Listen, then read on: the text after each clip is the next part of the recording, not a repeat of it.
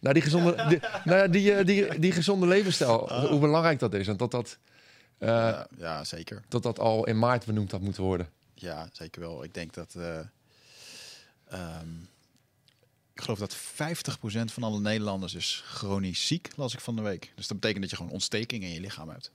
Als je lang genoeg een ontsteking in je lichaam hebt door slecht eten, veel suiker, zout, niet bewegen, dan, dan word je vanzelf ja, ziek.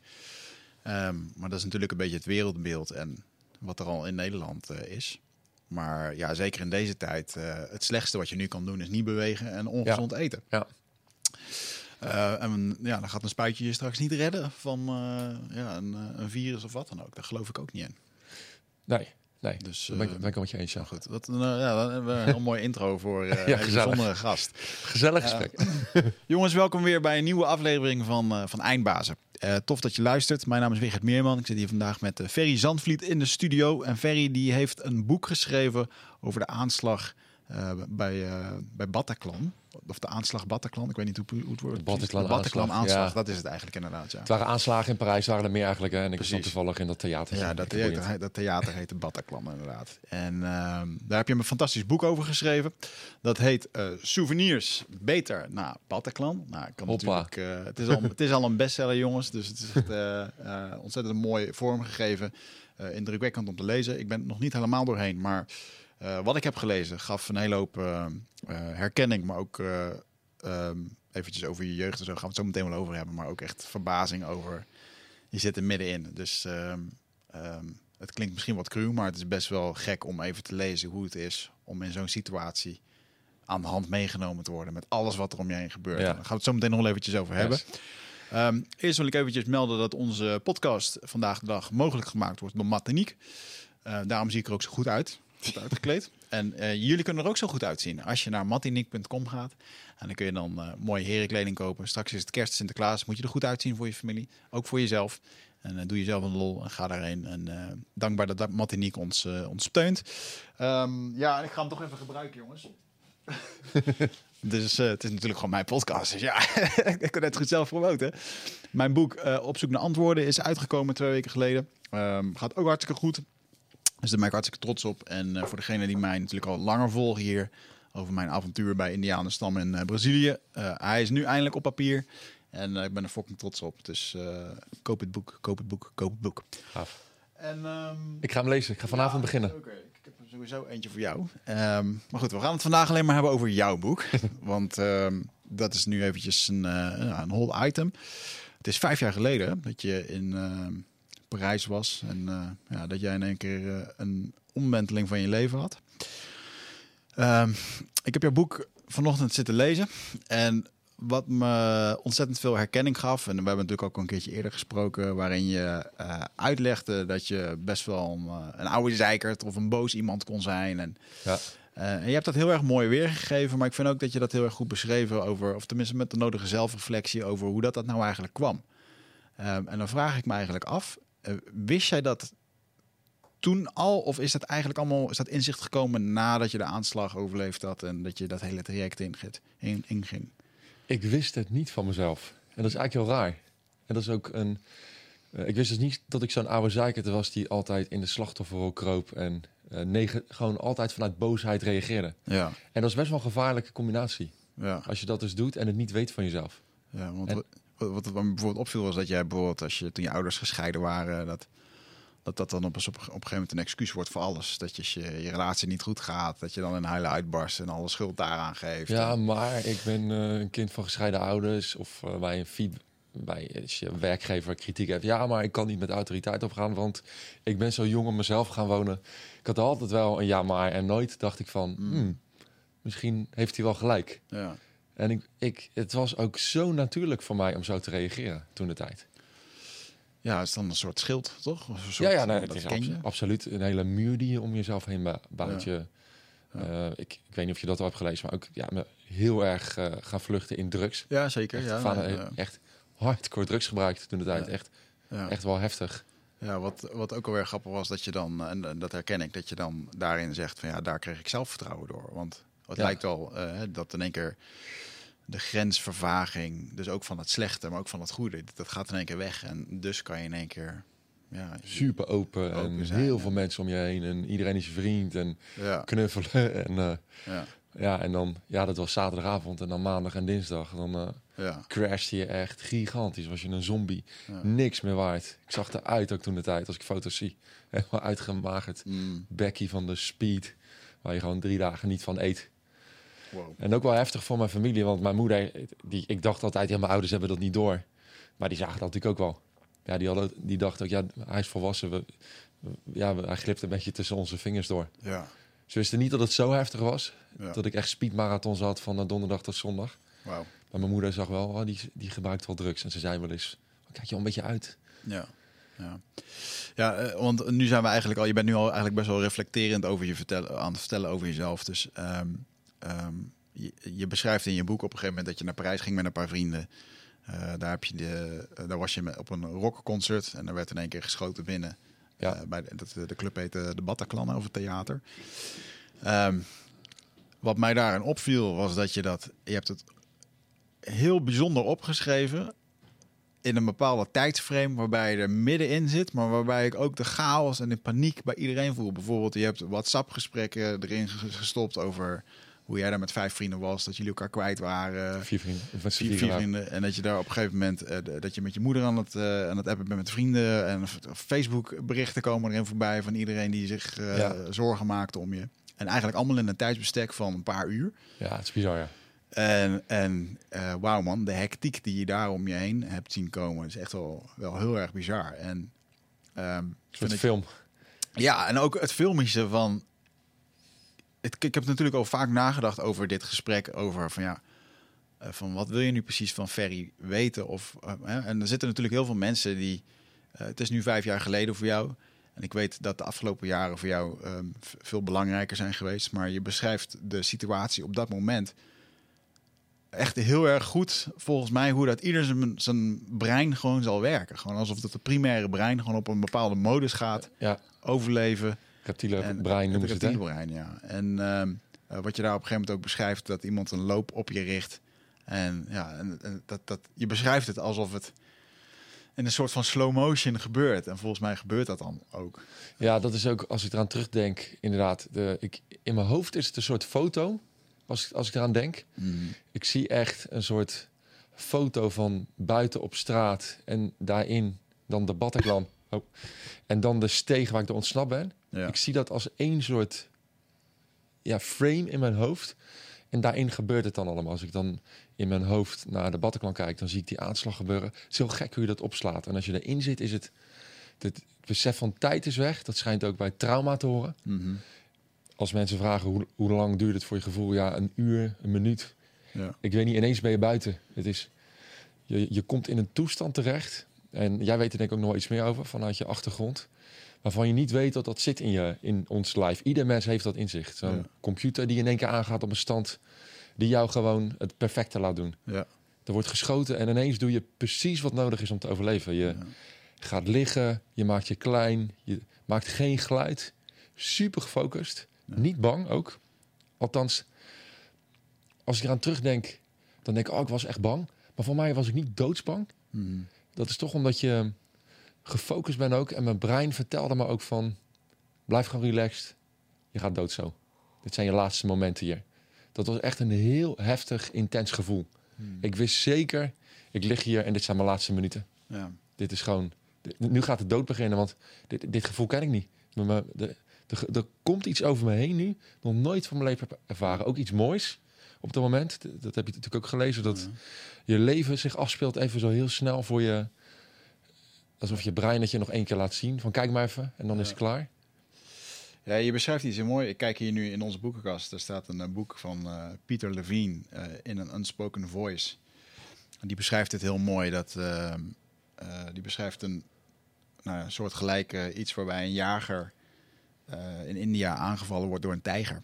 En mee de bos in wordt gesleurd. En die tijger die wil hem niet opeten, maar die tijger die wil zijn welpjes leren jagen. Dus wat doet hij dan? Dan verwondt hij een dier en dan laat hij de welpjes daarmee spelen. Dus die man die beschrijft exact dat hij in deze staat zit. Wel die tanden ziet, en maar geen angst voelt. Geen, dit, alleen maar een soort van, ja, bijna een soort van verdovende euforie. Ja, dat is het volgens mij ook. En Eh, uiteindelijk wordt dat dan beschreven als een eh, eh, letterlijk een cognitieve dissonantie of een, een soort van knop van je lichaam die, eh, die er eigenlijk ja, een soort van automatische verdoving voor dat laatste moment, wat het dan zou kunnen zijn. Of het helpt je overleven. En, eh, ja, zeker op dat Ja. moment. Ja. Ja, want stel dat je op zo'n moment dus helemaal in de paniekmodus schiet. Ja, Ja. dan ga je niet overleven. Ja. Dat beschrijft hij ergens anders. Dat als weer een hert een, een groep eh, rendieren over de hei gaat en er zit een luipaard achteraan. Dat er sommige van die rendieren zichzelf soms kunnen opofferen door zichzelf in één keer te laten vallen. Want dan kan de rest ontsnappen, dan wordt die gepakt. Oh, wauw. En dan, dan houdt hij zich dood. Dan wordt hij weggesleept door het roofdier. Om dan vervolgens op een helder moment eventueel weer te kunnen ontsnappen. Dat is ook weer een soort Ook manier tactiek. om ja, overlevingskans. Maar goed, we zitten nu weer in de jungle en de savanne. We, Ja, nou, maar, nou, uiteindelijk zijn we allemaal beesten. Ja. Wij zijn natuurlijk ook een beest. Gewoon. Wij zijn Ja. gek gaan kletsen en na gaan denken. Maar Ja, Ja. Het, is, het, is, het is inderdaad bizar wat. ehm, eh, ja, en hoe, hoe dit je dat beschrijft en hoe dat je dan op een gegeven moment. Eh, nou, misschien kan je daar nog even wat over vertellen. Hoe dat je daar op een gegeven moment bedacht dat iedereen op een gegeven moment gaat kruipen. En gaat, op een gegeven moment komt er weer beweging. ja, En probeer je een weg te zoeken om, eh, om naar buiten te gaan. ja, ja ook we, we- de, de eerste lading mensen die ontsnapt is door een nooduitgang. Die, eh, daar zat ik ook bij. De eerste of de tweede golf. En eh, wij hebben dat kruipend gedaan. En dat is ook zo gek. Want daar heb ik niet over nagedacht. Maar het is ook heel slim dat je gaat kruipen in de menigte die ligt als er geschoten wordt. Want als jij er gaat staan, ja, dan word je geraakt. Ja, Maar daar heb ik niet over nagedacht. ja, Ik heb het gewoon gedaan. ja. En het is helemaal niet praktisch ook. Want ik weet nog, dat, het is heel moeilijk om op handen en knieën over mensen die... Want ja, dit, dit was gewoon wat het was. Mensen die... Ik kroop over mensen heen die al dood waren. Mensen die lagen te schreeuwen van de pijn. En je bent alleen maar bezig met jezelf. Ik moet naar die uitgang die ik zie daar. ja. Maar je gaat niet staan. En, en eh, voor de luisteraars om een, om een beeld te geven. eh, als het gaat om, om, om meters in breedte en, ho- en hoogte. En wat voor ruimte zitten we? We zitten in een soort theater. En, Paradiso, Mhm. die grote. Ah, ja. eh, Melkweg, die grote Ja. Tivoli. De oude Tivoli, Herengracht. ja. Beetje een, een poppodium. Geen, geen gigantische concertzaal, maar gewoon zo'n intiem poppodium. Het was echt, ook toen ik er voor het eerst weer naartoe ging, ik daar wel, iets meer over vertellen hoe dat was. Toen dacht ik echt, fuck, dit was echt klein. Ja. Want het is ook, als je heel, heel vaak over iets nadenkt, over iets wat zo'n groot onderdeel van je leven is, of zo'n groot trauma is. In mijn hoofd had het Ziggo Dome, weet je wel? Mhm. Als ik eraan dacht. ja. En toen ik daar kwam de eerste keer, toen dacht ik, holy shit, het is echt een heel klein zaaltje. Ik kon echt 10 meter stond ik van die daders af of zo. Bizar. Dus dat is echt heel klein. En 89 mensen worden daarin doodgeschoten.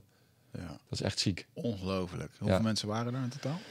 Ja, ongeveer 1200. En op de dansvloer, waar ik stond op de dansvloer, dat is, er waren ook twee etages met zitplaatsen, stonden volgens mij 700 man Ja. daar op die plek. En daar zijn wel de meeste mensen doodgeschoten. Ja. En ook op de plek waar ik er ontsnapt ben. En gelukkig wist ik dat op dat moment ook niet, want dan had ik nooit in actie durven komen.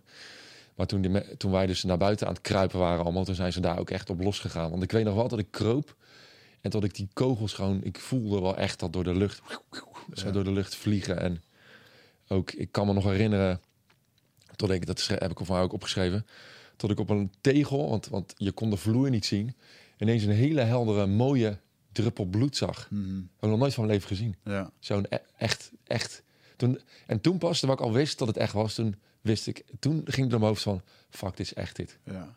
ja, want je beschrijft heel mooi dat toen je de schoten hoorde of de knallen hoorde, dat je op een gegeven moment een kerel met een geweer ziet en dat je nog steeds denkt, nou, dit is een soort act of dit hoort erbij. Of Ja, je kijkt zo iemand zelfs aan en je, en je beschrijft er zelfs in dat hij nog wel een vriendelijk baardje heeft of zo. Weet je ja hij, hij keek be- best wel eh, kalm uit zijn ogen. En ja, die, die metal scene is een beetje een rare scene. Soms Hmm. moet je allemaal op de grond gaan liggen en dan weer allemaal opspringen of zo, weet je wel. En dat gaat daar door je hoofd. Maar Ja.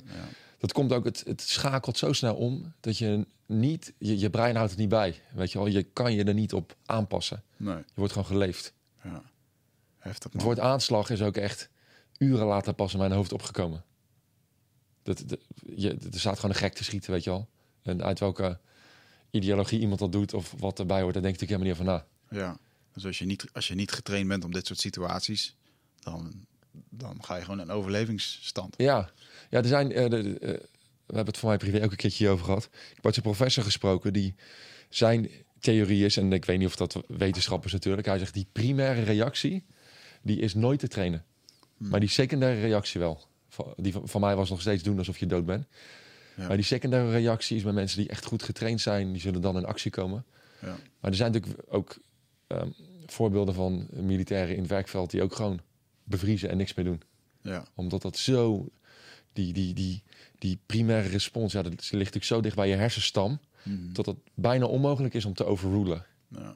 Ik weet wat, wat, wat, wat is jouw, jij weet er ook veel vanaf, denk ik. Nou ja, we hebben natuurlijk heel veel met militairen hier al gesproken. En met, eh, eh, bij het korpscommandotroep hebben we ook eh, goede relaties en kunnen, kunnen kletsen over dit soort dingen. Maar het is gewoon... Ja, ja, eh, ja, wat ik daar toe wilde voegen trouwens was, omdat dan specifiek op de situatie waar ik in zat ook, hè, dat, Ja. ver- dat het zo een verrassingselement is. ja. Je bent natuurlijk met je vrienden bier aan het drinken. Mhm. Je bent niet uitgezonden op oorlog. Nee, nee, zeker. Dus deze jongens die trainen gewoon 15 jaar en komen waarschijnlijk, sommigen heel veel van komen nooit in actie. Nee. Maar er zijn ook wel jongens die. eh, we hebben hier laatst Sander Aarts gehad. En die eh, ja. heeft gewoon in Afghanistan gezeten. Die dan. Ja, eh, die gaat met meer vertrouwen een huis met terroristen binnen. dan dat hij op een podium staat voor 100 accountants. Weet je wel? Dus Ja, weet je, dat is gewoon de. Ja, dat, zijn comfortzone zijn is comfortzone Ja. daar, ja. En ehm, ik denk als je dat maar genoeg doet. En ehm, ehm, op een gegeven moment dan is er denk ik zelfs een diepe wens dat je dat ooit een keertje kan ervaren. Want daar train je heel je leven Dat voor. snap ik echt. Ja, dat begrijp ik echt. Ja, een, vriend, een vriend van mij die bij, de, bij het arrestatieteam werkt, die heeft ook een keer gezegd. Ja. En het is, ik ga niet zeggen wie het is, maar best wel cruel. Hij zegt, ik ben best wel jaloers op jou. Hij zegt, wat jij hebt meegemaakt, dat, ja, dat, dat, is eigenlijk waar ik voor leef. ja. Ik snap dat wel. ja, dat Ja, natuurlijk niet om het feit dat al die mensen doodgeschoten Nee. worden, maar dat je daarin, Nee. in, bij, daarin kan grijpen. En ik denk ook niet dat. ehm, ik denk dat bijna geen enkele marinier of, of commando of, of wat dan ook. dat die. ehm, daarbij gaat om zijn land te verdedigen of dit soort acties te doen. Nee, ze willen gewoon bij een club horen waar ze, waar ze zichzelf kunnen bewijzen. Waar ik denk, dat het gezond, gezond is op die leeftijd. Dat je ergens bij horen, misschien bij een Ja. familie, bij een club of wat dan ook. En daaruit vormt zich dan op een gegeven moment gewoon een soort functie wat, eh, ja, waarvoor je getraind wordt. En dat doe je dan gewoon. Eh, ik denk dat dat ook een beetje bij de leeftijd hoort waar die gasten dan de meeste in zitten. En op een gegeven moment dan, eh, ja, dan ben je gewoon gemaakt voor dat.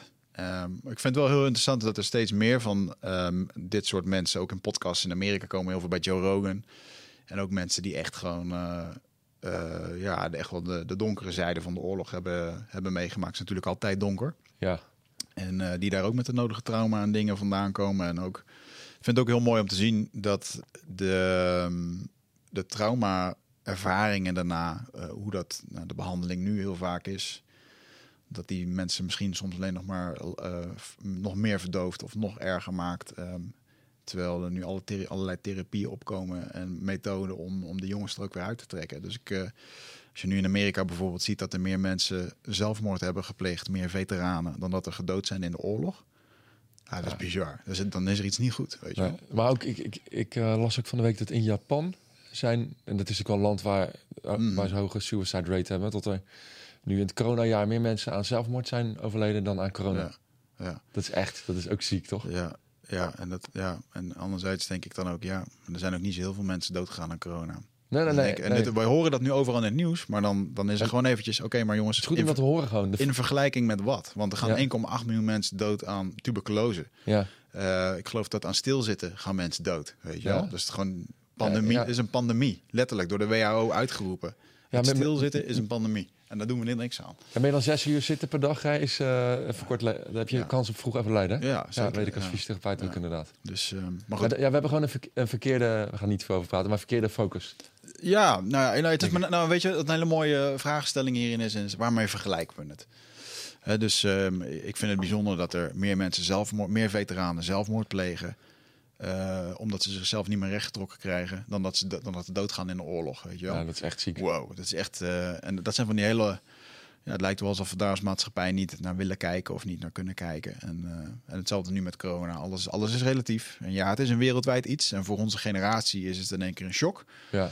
Maar als er een keer een aardbeving is in India en er gaan honderdduizenden mensen dood, dan, dan lezen we hier de krant en denken we, oh, wat erg. En dan leg je het weer weg. En dan leg je het weer weg. Ja. En, dus het komt nu gewoon heel dichtbij. Eh, maar eh, voor jou kwam dit natuurlijk ontzettend dichtbij. En ehm, wat me ook ehm, opviel daar was dat op een gegeven moment... ehm, je bent via een achtergangetje ben je naar, naar buiten gesneakt. Je bent vervolgens een, eh, een restaurant binnengegaan. Eh, en er is gewoon daar nog op, er is daar nog op straat geschoten. Er is daar nog gewoon nog echt, ik weet niet hoe lang, maar gewoon was oorlog in die stad. was oorlog in die stad. Ja, bizar.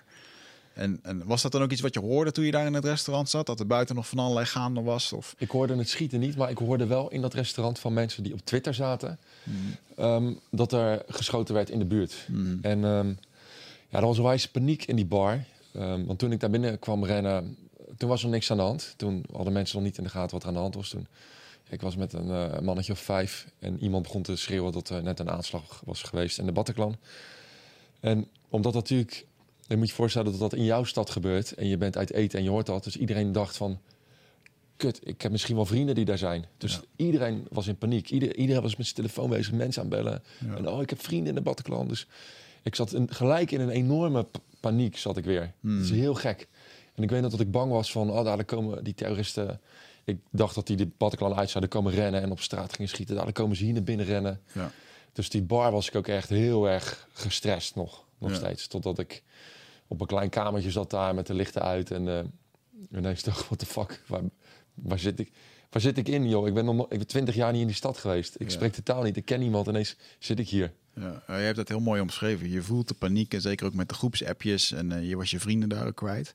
Ja. En uh, um, ja, wat, wat ik heel grappig vond, was dat je... Of grappig, nou, ik mocht dat grappig vinden. Ja, dat je als eerste, als eerste toen je buiten kwam, dat je toch je moeder belt, weet je al. Gewoon een soort van dat, dat oerding van om even melden dat je oké okay bent. Of dat, wat er is gebeurd misschien. Ja, ik dacht als zij het weet, dan, dan zij gaat het dan de familie verder vertellen. Ja. De, weet je wel, de, de, de, dan is het, die, die, moet ik even afvinken. Ja. Want ik dacht wel, misschien toch onbewust van, dit komt naar buiten straks of zo. Ja. Misschien toch onbewust, terwijl je daar helemaal niet mee, bezig bent nog op zo'n moment. Ik dacht, ik moet haar even laten weten dat ik oké okay ben in ieder geval. Dat is best wel bizar, want het moment van dat jij je moeder belde... totdat je daar op de grond over, over andere lijken heen kroop... was gewoon, misschien is gewoon een minuut of twee ja, geweest. Echt minuten, ja. Wauw, dat is echt bizar. Maar ik zag iedereen die naar buiten rende. Niemand was met me. Dat is ook zo gek. Je, je ontsnapt dan met een groep mensen en niemand maakt contact met elkaar. Ja, is gewoon, dan is het echt ieder voor zich. Gewoon, nee, nee, gewoon ieder, we rennen dus doodstil allemaal die zaal uit. Mm -hmm. Dat weet ik nog goed, dat je door die steeg rent en dat iedereen stil is. Dat is ook raar, toch? Dat je mensen ja. naast je hebt rennen en niemand zegt wat tegen elkaar. Dat, vond ik, dat, als ik er later over terug... Want ik weet nog dat ik probeerde contact te maken met iemand. Want ik voelde me wel alleen, omdat ik die stad niet ken. Ik spreek de taal niet. Ja. En ik, ik keek nog naar zo'n gast. Ik zei iets van, what the fuck? Zoiets alleen. Ja. En hij reageerde helemaal niet. Ja. Ook heel echt fucking raar was dat. Dus ik denk dat ik gewoon even met iemand... Ik, denk, ik moet, even, ik moet even iemand spreken nu of zo. Ja, je wil, even, ja, je wil je gewoon even, even contact maken. Even, ja, ja. Heftig, man. En uh, toen... Um, maar goed, vervolgens, dat, dat circus, dat ging gewoon nog door. Want je hebt daar heel lang gezeten in een soort van ongewisse. Dat, dat lees je ook heel erg terug.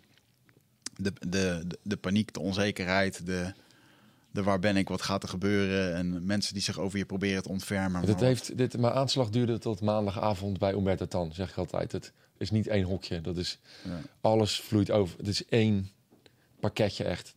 Tot, ja. tot nadat wij op televisie waren geweest, is bij mij in mijn hoofd echt zo'n zo afkappunt. Oké, okay, ja. dat was de aanslag. Ja. Ja, en dat beschrijf je ook goed, dat op een gegeven moment de, de, de dan begint het mediacircus of alles komt op televisie.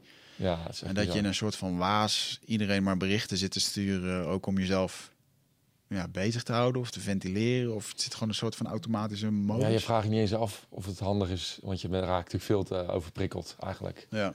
Echt mega overprikkeld. Alleen maar je telefoon gaat de hele dag en iedereen wil wat van je weten.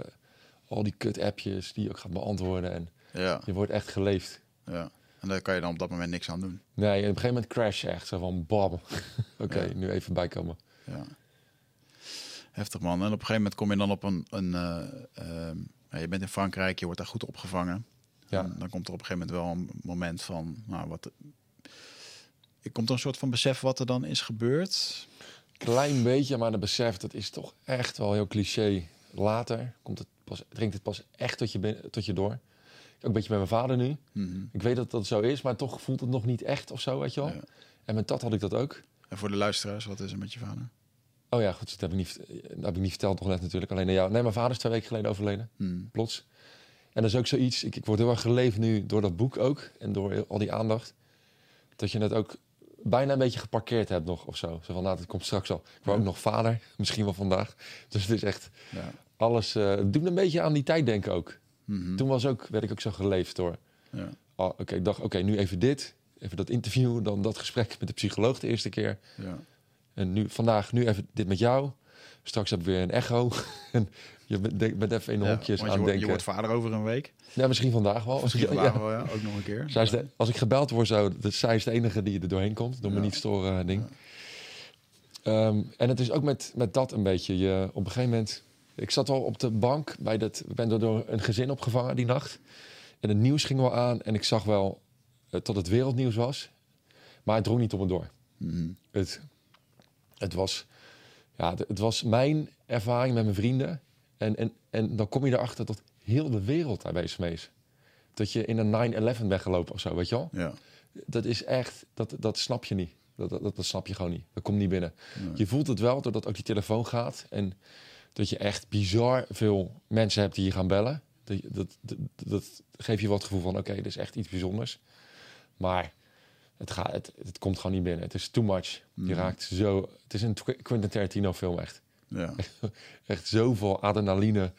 Van ineens sta je te douchen in een badkamer waar mijn hoofd het plafond raakt. En die Parijzenaar is allemaal heel klein. Ja, ja, ja. En ik weet dat ik daar stond te douchen.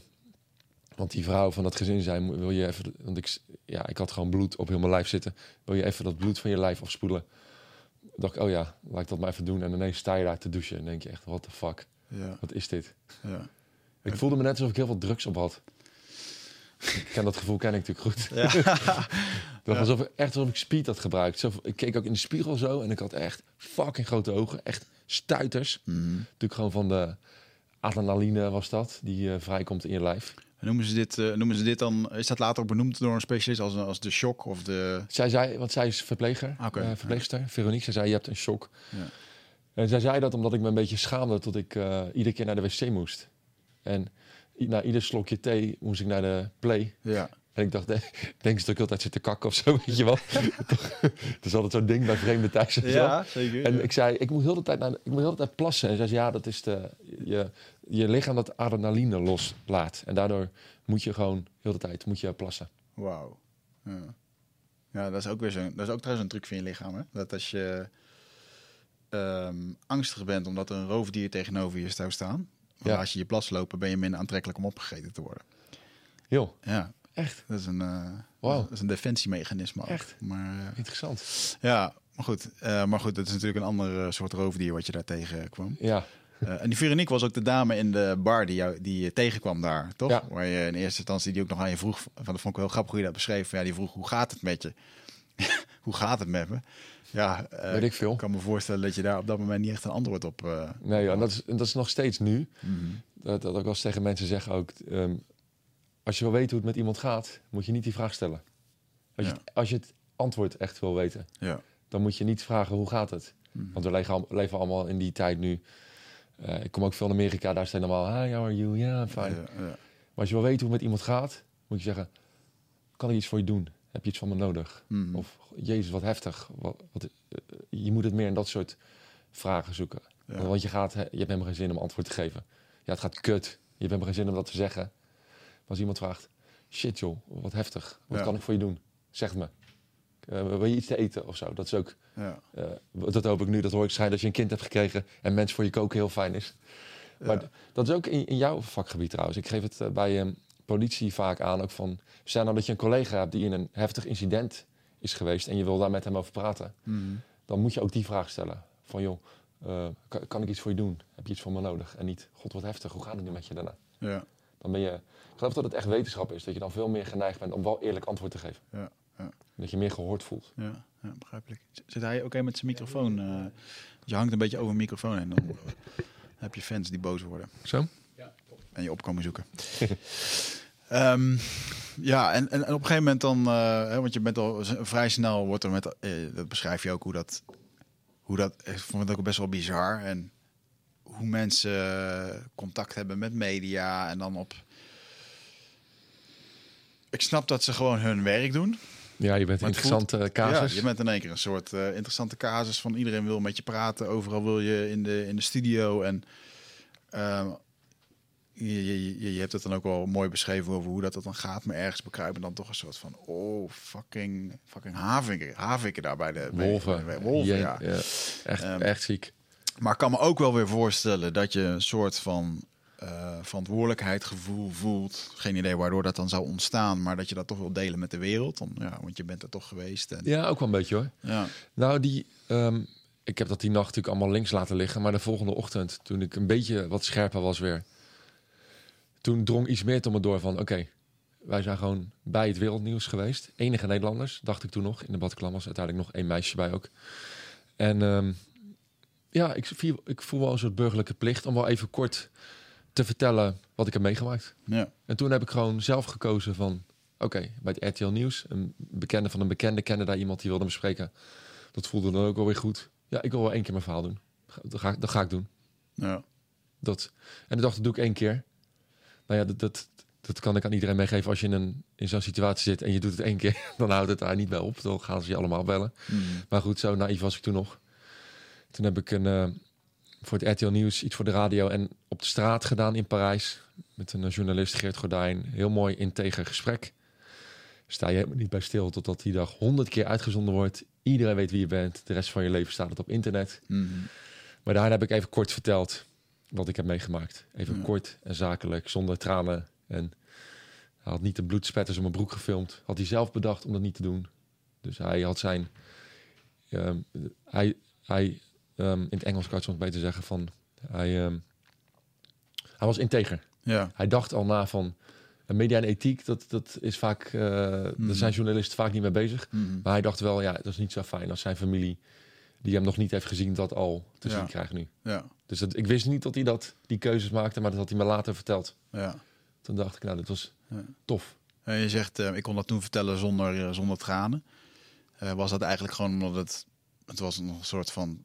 Het was gebeurd, maar je had het nog helemaal niet verwerkt door, door Nee, joh. gedacht. Of, Helemaal niet. Het was ook echt... eh, we hebben het een paar keer opnieuw op... Het, het- ging van de hak op de tak. Ik kon er geen, geen brei, geen chronologisch verhaal van maken. En op een gegeven moment zei hij, oké, stop maar even. Hij was echt een goede, goede journalist, want hij trok me er doorheen. We deden Mhm. het echt. Hij heeft ooit wel eens gezegd, we deden het echt samen. Ja, mooi. Dat is wel mooi. Ja. Dat is echt, dat is echt goede Ja. journalistiek. Ik vond je bij eh, Humberto. Ehm, ik heb dat interview lang geleden alweer gezien, maar wat me daar wel opviel, was dat het niet leek alsof het zo kort geleden was gebeurd. Nee, bizar. Dat Gewoon de was rust, dezelfde een dag paar, voor ons. paar vrienden die daar zaten en die er al met elkaar over hadden gesproken. En, en oh, dat je een soort van denkt van wauw. We hadden wel veel bier op ook hoor. Ja. bij dat gesprek. en eh, ja, we- voor ons was het, ehm, ehm, het was ook een uitje. Het was eigenlijk echt, het, het was een hele leuke dag ook. Hmm. Hoe gek dat ook klinkt. We werden super, ja, eh, super tof opgevangen daar. Umberto is ook natuurlijk wel iemand die, je bent er zelf natuurlijk ook wel eens geweest. Ja, we hebben bijna twee uur voordat we opgingen al met hem zitten praten. Dus je, Hmm. we gingen ons gesprek, zetten we gewoon voort aan tafel. Het voelde helemaal niet als zo van, oké, nu gaan we de te- op televisie. We Ja. waren heel relaxed. Ja. Daar zijn ze goed in bij eh, Umberto, eh, vind ik. Hm. En ook die, die vrouw in die visagie werkt daar, Angelique. Die werkt daar ook niet voor niks. Dat is zo'n Surinaamse moeder die ook zelf veel heeft meegemaakt. En dat voel je echt, waardoor je Ja. ja, helemaal op je gemak gesteld wordt. Dat was een hele mooie, fijne ervaring. Kwam goed uit de verf Mooi. voor televisie. Ja, nou ja, zeker. En, eh, maar goed, dat was natuurlijk eigenlijk dan, eh, dan is dat op televisie. En ik kan me best voorstellen dat, ehm, dat er dan best wel een donker gat in één keer is voor jou. Want eh, je hebt dat meegemaakt. Ik denk dat weinig mensen het op dat moment echt kunnen begrijpen. En dan moet je het, eh, ik kan me een beetje voorstellen dat je het dan voelt van shit, nu moet ik het zelf, zelf in één keer gaan rooien en uitzoeken voor mezelf. En dat dat wel echt een moeilijke periode is. Het was een hele moeilijke periode, maar ik moet zeggen dat zwarte gat is nooit gekomen. Omdat eigenlijk die aandacht nooit is opgehouden. Mm. Ik, ik ben best wel snel al iets gaan doen ermee. Ik wist niet wat het was. En totdat het dus allemaal dit zou worden. Dat ik fulltime spreker en ineens schrijver zou worden. Maar die aandacht bleef echt. En vooral op mij. Ik ehm, ehm, kwam blijkbaar dat eerste interview goed uit mijn woorden. En dat viel wel heel veel mensen op. Van, god, die gast kan goed vertellen. Ik, ik dacht eerst dat het een soort trucje was om mij maar gewoon eh, over te halen. Om Mhm. mijn verhaal weer ergens te doen. Dat ze zeggen, oh, je kan echt goed vertellen. dacht ik, ja, dacht, we konden alle, alle vier goed vertellen. Ja. Maar als ik er nu zelf terug... Ik heb het niet zo heel lang geleden voor het eerst teruggekeken. Dat vind ik zelf ook echt wel dat ik het beste vertel van de vier. Mhm. Maar dat komt ook door mijn achtergrond als fysiotherapeut. Ja, Van ik, als fysio moet je ook uit kunnen leggen. in een korte tijd, eh, je moet iemand onderzoeken en je moet in begrijpelijke taal uitleggen wat iemand mankeert en wat hij eraan kan doen. En dat is ook hoe ik toen al dat verhaal vertelde aan Humberto. Dat zie ik ook echt daar. Dat gewoon verbanden al heel snel leggen. En de hulpverlening had ik al heel snel door van, er, er klopt iets niet hier. Ja. Dus dat zwarte gat is niet echt gekomen. Maar qua mentale, mentaal, dat heeft mijn mentale verwerking misschien juist een beetje in de weg gezeten. Hm. Doordat je natuurlijk zo veel aandacht blijft krijgen. Dat je eigenlijk eh, daar niet, dat, dat een beetje wegcijfert, wegduwt. En het heeft al bijna drie, vier maanden geduurd voordat ik eindelijk een goede psycholoog had gevonden die mij begreep. En ehm, die ik eigenlijk veel eerder had moeten hebben. Ja. Want wordt, dat dan, wordt dat dan aangeboden? Of kom je in een soort slachtofferprogramma? Het is Of, eh, dramatisch in Nederland hoe dat geregeld is. Slachtofferhulp is wel verbeterd de afgelopen jaren, maar ik ben, ik ben er nog steeds van overtuigd tot er een ander soort in de keten aan hulpverleners. Je, je komt nu naar, naar een aanslag in Nederland, krijg je slachtofferhulp. In heel veel andere landen krijg je eerst een trauma-expert. Mm. Iemand die een universitaire studie heeft genoten om mensen zoals ik te helpen. Want zo lastig is het dus blijkbaar. Dat erkennen ze dus in heel veel landen. En ehm, hier krijg je slachtofferhulp. En daar zitten ook echt goede mensen tussen hoor. Ze hebben veel geleerd de afgelopen jaren. Maar het is geen afgestudeerde... Het is niet iemand met een, eh, met een Mhm. univer- universitaire studie... die eh, precies snapt wat je nodig hebt. Want je hebt gewoon per dag iets anders nodig. Daar is echt onderzoek naar gedaan. De Ja. Eerst tijdens de aanslag heb je al iets anders nodig... dan de dag daarna bijvoorbeeld. Dat Mhm. luistert allemaal heel nauw. En ehm, ik weet al dat er eh, dingen aan het veranderen zijn in Nederland. Maar op dat vlak is er nog wel echt eh, werk aan de winkel. En we we hebben echt lang moeten zoeken naar een psycholoog die een beetje ervaring had met wat we hadden meegemaakt. Blijken er dus heel veel te zijn in Nederland. Niemand wist dat bij slachtofferhulp. ja. Moet je zelf achterkomen. Nou, had ik, hadden wij het voordeel, wat ik wel cru vind voor heel veel mensen die dat niet hebben, die niet in de media verschijnen en die ook hulp nodig hebben, die maanden zitten te wachten Ja. soms een jaar op een goede psycholoog. Werd ik wel aan iemand gelinkt die via de media contact met ons had opgenomen. Chef Berends heet hij. Hm. Hij werkt met heel veel tv-programma's samen ook met eh, mensen die trauma's hebben verwerkt achter het schermen. En daar hebben wij toen een heel snel een linkje mee gekregen tot we bij hem eh, EMDR-therapie konden krijgen. ja, want dat is nodig. Ja, ja ik, ik ehm, heb een beetje een dubbel gevoel bij die therapie ook, moet ik eerlijk zeggen. Het wordt wel echt als een soort heilige graal aangeboden bijna. Dat vind ik het niet. Mhm. Hè, de- ik- jij weet vast ook wel wat het is. Dat is Mhm. Eh, dat je je trauma moet herbeleven en tegelijkertijd word je afgeleid. En dan vindt er in je brein een soort herprogrammering plaats, waardoor je Ja. emoties en herinneringen scheidt. Mhm. Ik vind dat er te lang mee doorbehandeld wordt. En tot het als een behandeling op zich wordt gegeven. Terwijl ik het meer vind als het is een soort tool. Ik miste soms een beetje bij de therapie. Dat ik dacht, ik wil gewoon praten ook. Ja. Maar ik kreeg echt EMDR. Hm. En heel veel therapeuten die doen dat dus op die manier. Ik vind het bijna een beetje hetzelfde als eh, in de fysiotherapie heb je dry needling. Ja. Ken je dat? Ja, ja, zeker. Ja. Dat is ook, vind ik, een tool. Eh, je hebt een gereedschapskist met allemaal eh, gereedschap. Mhm. En er zijn heel veel fysiotherapeuten die het als therapie geven, dry needling. Ja. Ik denk, ja, ik, therapie is niet een beetje prikjes zetten. Dat is een tool van een, een veel groter plan, Ja. weet je wel? En dat vind ik ook met die EMDR. Het wordt een beetje te pas en te onpas gebruikt. Mhm. Terwijl uiteindelijk kwam ik bij een therapeut terecht. Die deed in één sessie cognitief gedragstherapie. Soms een soort hypnoseachtige therapie. EMDR deden we ook even. Nou, hij zag heel snel van, nou, daar, daar, daar reageert hij niet relaxed meer op. Ja. Het is, veel, het is veel te veel in hokjes allemaal. Ja. ja. Zit jij eh, vaak in je hoofd? Eh, neem je heel veel informatie tot je video's, podcast, boeken? Eh, nou, voel je niet schuldig, dat doen heel veel mensen natuurlijk. Hè, maar vaak zijn we op zoek naar antwoorden. Ehm, gaan we nog meer informatie tot ons nemen. Terwijl ja, de antwoorden liggen toch echt in onszelf. En dat is iets wat we voelen met ons lichaam. Maar vaak zijn we zo erg in ons hoofd bezig ja, dat we dat ook niet meer, dat we daar niet meer echt goed bij kunnen. En dat is graag waar ik je voor uit wil nodigen. Voor Rite of Passage. 24, 25 en 26 mei is er weer een nieuwe editie. Voor mijn retreat voor persoonlijke ontwikkeling. Waarbij het thema echt is om uit het hoofd te komen in dat lichaam. Want dat is waar je alles ervaart. En ik wil dat je gewoon weer in contact komt met, met die, die intuïtie. Ehm, en dan gewoon een heel sterk eh, innerlijk kompas. Dat je gewoon weer weet waar je naartoe moet. Wat je te doen staat. En dat je gewoon weer helderheid hebt over wat je wilt en hoe dat je dat gaat doen. En dat doen we middels uh, bio-energetische oefeningen, dynamische meditaties, een stuk shamanisme zit erin. Het enige wat er bekend is van het programma is dat er een zweethut in zit. Uh, en natuurlijk gewoon hands-on persoonlijk leiderschap. Uh, dit retreat krijgt een 9,2 gemiddelde van meer dan 331 deelnemers. Daar ben ik ontzettend trots op. Sterker nog, er is ook een money back guarantee. Vind je niks na drie dagen, krijg je gewoon je geld terug. Dus het enige risico dat je loopt, is dat je gelukkiger wordt. Klinkt dit als iets voor jou en durf je het aan? Dan zie ik je op Ride of Passage. Ga naar wichertmeerman.nl en klik op Retreat. Ik kan me wel voorstellen dat er... Uh, er is niet een one, fits, one size fits all nee, absoluut voor. Nee, zeker niet. En, uh, uh, maar wat... want um, Wanneer wist jij bij jezelf, of uh, had je meteen het idee van, oké, ik heb trauma? Was dat iets wat je nog moest leren erkennen of moest leren nee, inzien? Of, uh, nee, nee, nee. Dat spraken wij tegen elkaar uit toen we terug naar huis reden in de auto. Zo van, fuck, wat gaat dit met ons doen? Ja. En het zou echt, we hebben in de auto gezegd tegen elkaar, we zeiden het ook in het interview bij Umberto Tan, zeiden we dat ook al, omdat niemand ons gebeld had nog toen, hè, qua hulpverleners ja. in Nederland. Wij moesten op televisie dus aan Nederland vragen van, kan iemand ons helpen nu? Want alle journalisten hebben ons al gebeld, maar niemand heeft ons nog gesproken. Oh, ik had verwacht dat dat wel vanuit de Nederlandse ambassade zou. Niemand had ons gebeld. Hmm. Wij zaten bij Umberto Tan omdat wij hulp wilden hebben. Niet omdat we zo graag op televisie wilden. Het irriteerde mij wel eens dat mensen daar van, uh, oh, uh, moest dat nou op tv? Toen dacht ik van, je hebt echt fucking geen idee wat wij hebben meegemaakt. Nee.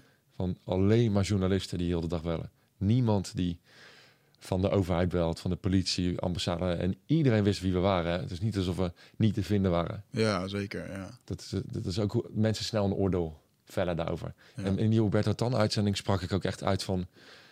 In de auto zeiden wij tegen elkaar van... van het zou zo fijn zijn als iemand ons even kon bellen nu. Die, Mm. die ons kon vertellen wat we met deze emoties aan moeten nu. Wat, gewoon even wat tips, een psycholoog of zo. Ja. En die zaten op de bank met jeukende handen. Maar die mogen jou niet proactief bellen. Dat mag niet, omdat er dan belangenverstrengeling is. Terwijl, de, denk ik, fucking media, die, die gaat ook geld aan je verdienen. Ja, het, is gewoon, het zou heel humaan zijn, toch? Bij Een psycholoog mag jou niet bellen. Ik snap het ook wel weer ergens. Je, want als psych- psycholoog, ja, je kan natuurlijk even gaan kijken. Lopen er nog trauma? Ja, je kan Traumagevalletjes iemand rond. Ja, ja, tuurlijk. Maar- Ja. Aan de andere kant is het ook voor jou als burger heel moeilijk om die mensen te vinden. Goeie. En ik vind het raar dat er... Dat is dus wel in de wet geregeld. Maar in de wet is niet geregeld dat journalisten jou gewoon heel de dag mogen bellen. Ja. Chillen zitten. Even mijn microfoon. Ja, zo? Zit ik zo goed? Ja, kom. Dus daar ben ik me ook wel een beetje hard voor aan het maken achter de schermen. Ik ben eh, betrokken bij een aantal eh, instanties. Eentje is de crisiscentrale, maar ook om eh, bij wet geregeld te krijgen dat er een soort ja, code komt dat jij beschermd wordt als burger tegen journalisten. Mm. Dat is natuurlijk heel lastig, want daar ligt dan die grens precies. Ja. Maar er wordt nu een soort onderzoek gedaan naar mensen die trauma's hebben opgelopen en hoe die dus hoe hun ervaring met de media is. En eh er wordt een plan aangeboden aan de Kamer zelfs. Ja. Dat is de bedoeling. Zo zijn we het aan het aanpakken. Dus dat duurt allemaal heel lang. Moet over heel veel schrijven heen. Ja. Nou ja, klinkt wel als een, eh, als een iets wat nodig lijkt. Gewoon een beetje humaan mag zijn. Ja, Toch? Is zeker met internet vandaag de dag is er gewoon geen... eh, ja, ja, de, de, de- ja het is gewoon ethiek. Is iedereen weg. doet maar. Ja, ja. Wie is het eerst en niet met, met wie heeft het meest integere verhaal of het echte verhaal. En ook de, de, de mensen die mij het meest integer hebben behandeld. Dat is toch bij RTL wel uiteindelijk wat ik niet per se had verwacht bij een commerciële zender. En Mm. Jessica Valerius, een documentairemaker. Nou, als die mij bellen, zeg ik altijd ja. Denk, Ja. oh, dat, wordt dat wordt leuk. Ja. Want zij gaan integer met me om. Als het eh, AD, AD belt of iemand van de Telegraaf. Dan denk ik, oh ja, jullie hebben mij zo genaaid ooit. Ja. Ik ga, ik ga jullie nooit meer iets geven. Ja. Weet je, dus je- uiteindelijk snij je jezelf ook in de vingers als journalist. Ja. Eh, Wat heb jij, ehm, wat heb je eigenlijk, ge- wat heb je gevoeld in je lichaam en, en, wat waren gewoon je, je lichamelijke reacties en misschien ook wel gewoon de mentale ehm, die je in de weken daarna voor jezelf hebt ontwikkeld als een soort resultaat van dat trauma? In het begin had ik vooral last van ehm, slaapproblemen. Ik kon moeilijk in slaap komen en ik, ik sliep ook lastig door. Ik weet echt van, eh, ik woonde in een best wel gorig huis toen de tijd. Met hele gorige bovenburen. Waar ik eigenlijk geen last van had tot op die dag. Tot na die aanslag. Ik werd van alles wakker. Dat is echt ongelooflijk. Ik slaap ook nu sinds die aanslag met oordopjes in. Ik kan niet meer in slaap vallen zonder oordopjes.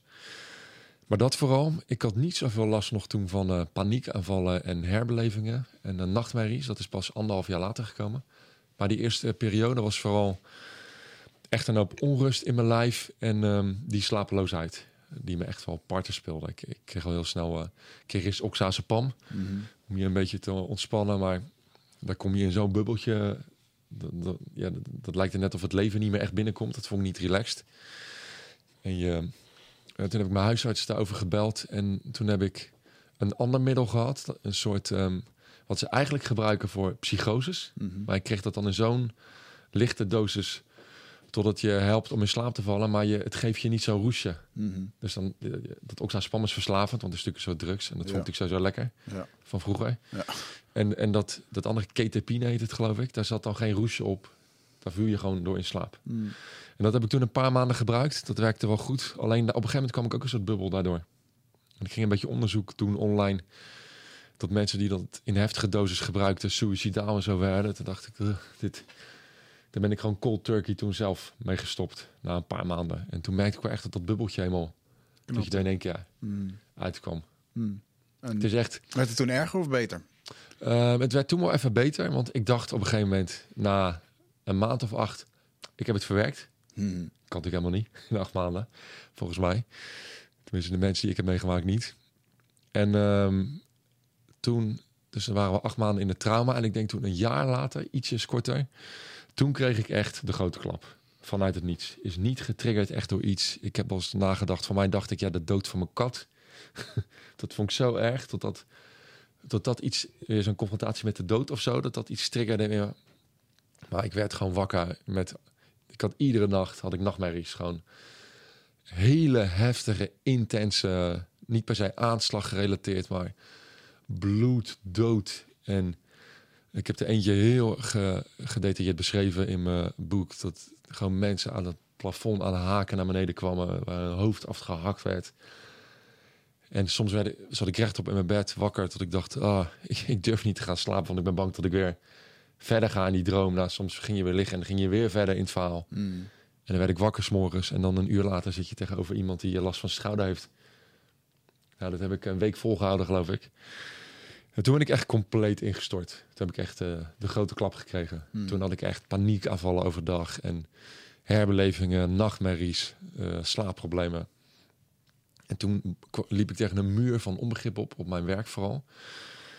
Mijn eh, werkgever die vond dat ik wel erg veel met de aanslag bezig was. En dat was ook zo. Ik was toen al heel voorzichtig lezingen aan het geven.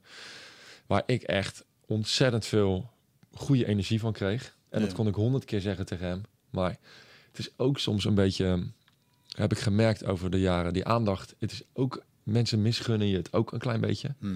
En eh, dat doe ik helemaal niet zielig over, want het boeit me ook helemaal niet. Het gaat maar om wat mijn directe omgeving daarvan vindt. Maar daar merkte ik dat vooral een beetje. Ja.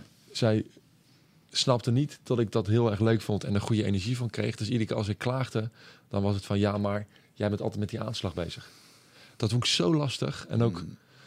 daarna, eh, toen het weer goed ging met me, als ik dan eens kutdagen had, dan durfde ik dat soms niet eens uit te spreken. Ik dacht, ja, dan gaan mensen weer zeggen dat het komt omdat ik erover blijf praten. Terwijl ik aan alles voel, iedere vezel in mijn lijf, dat dat me juist helpt. Ja.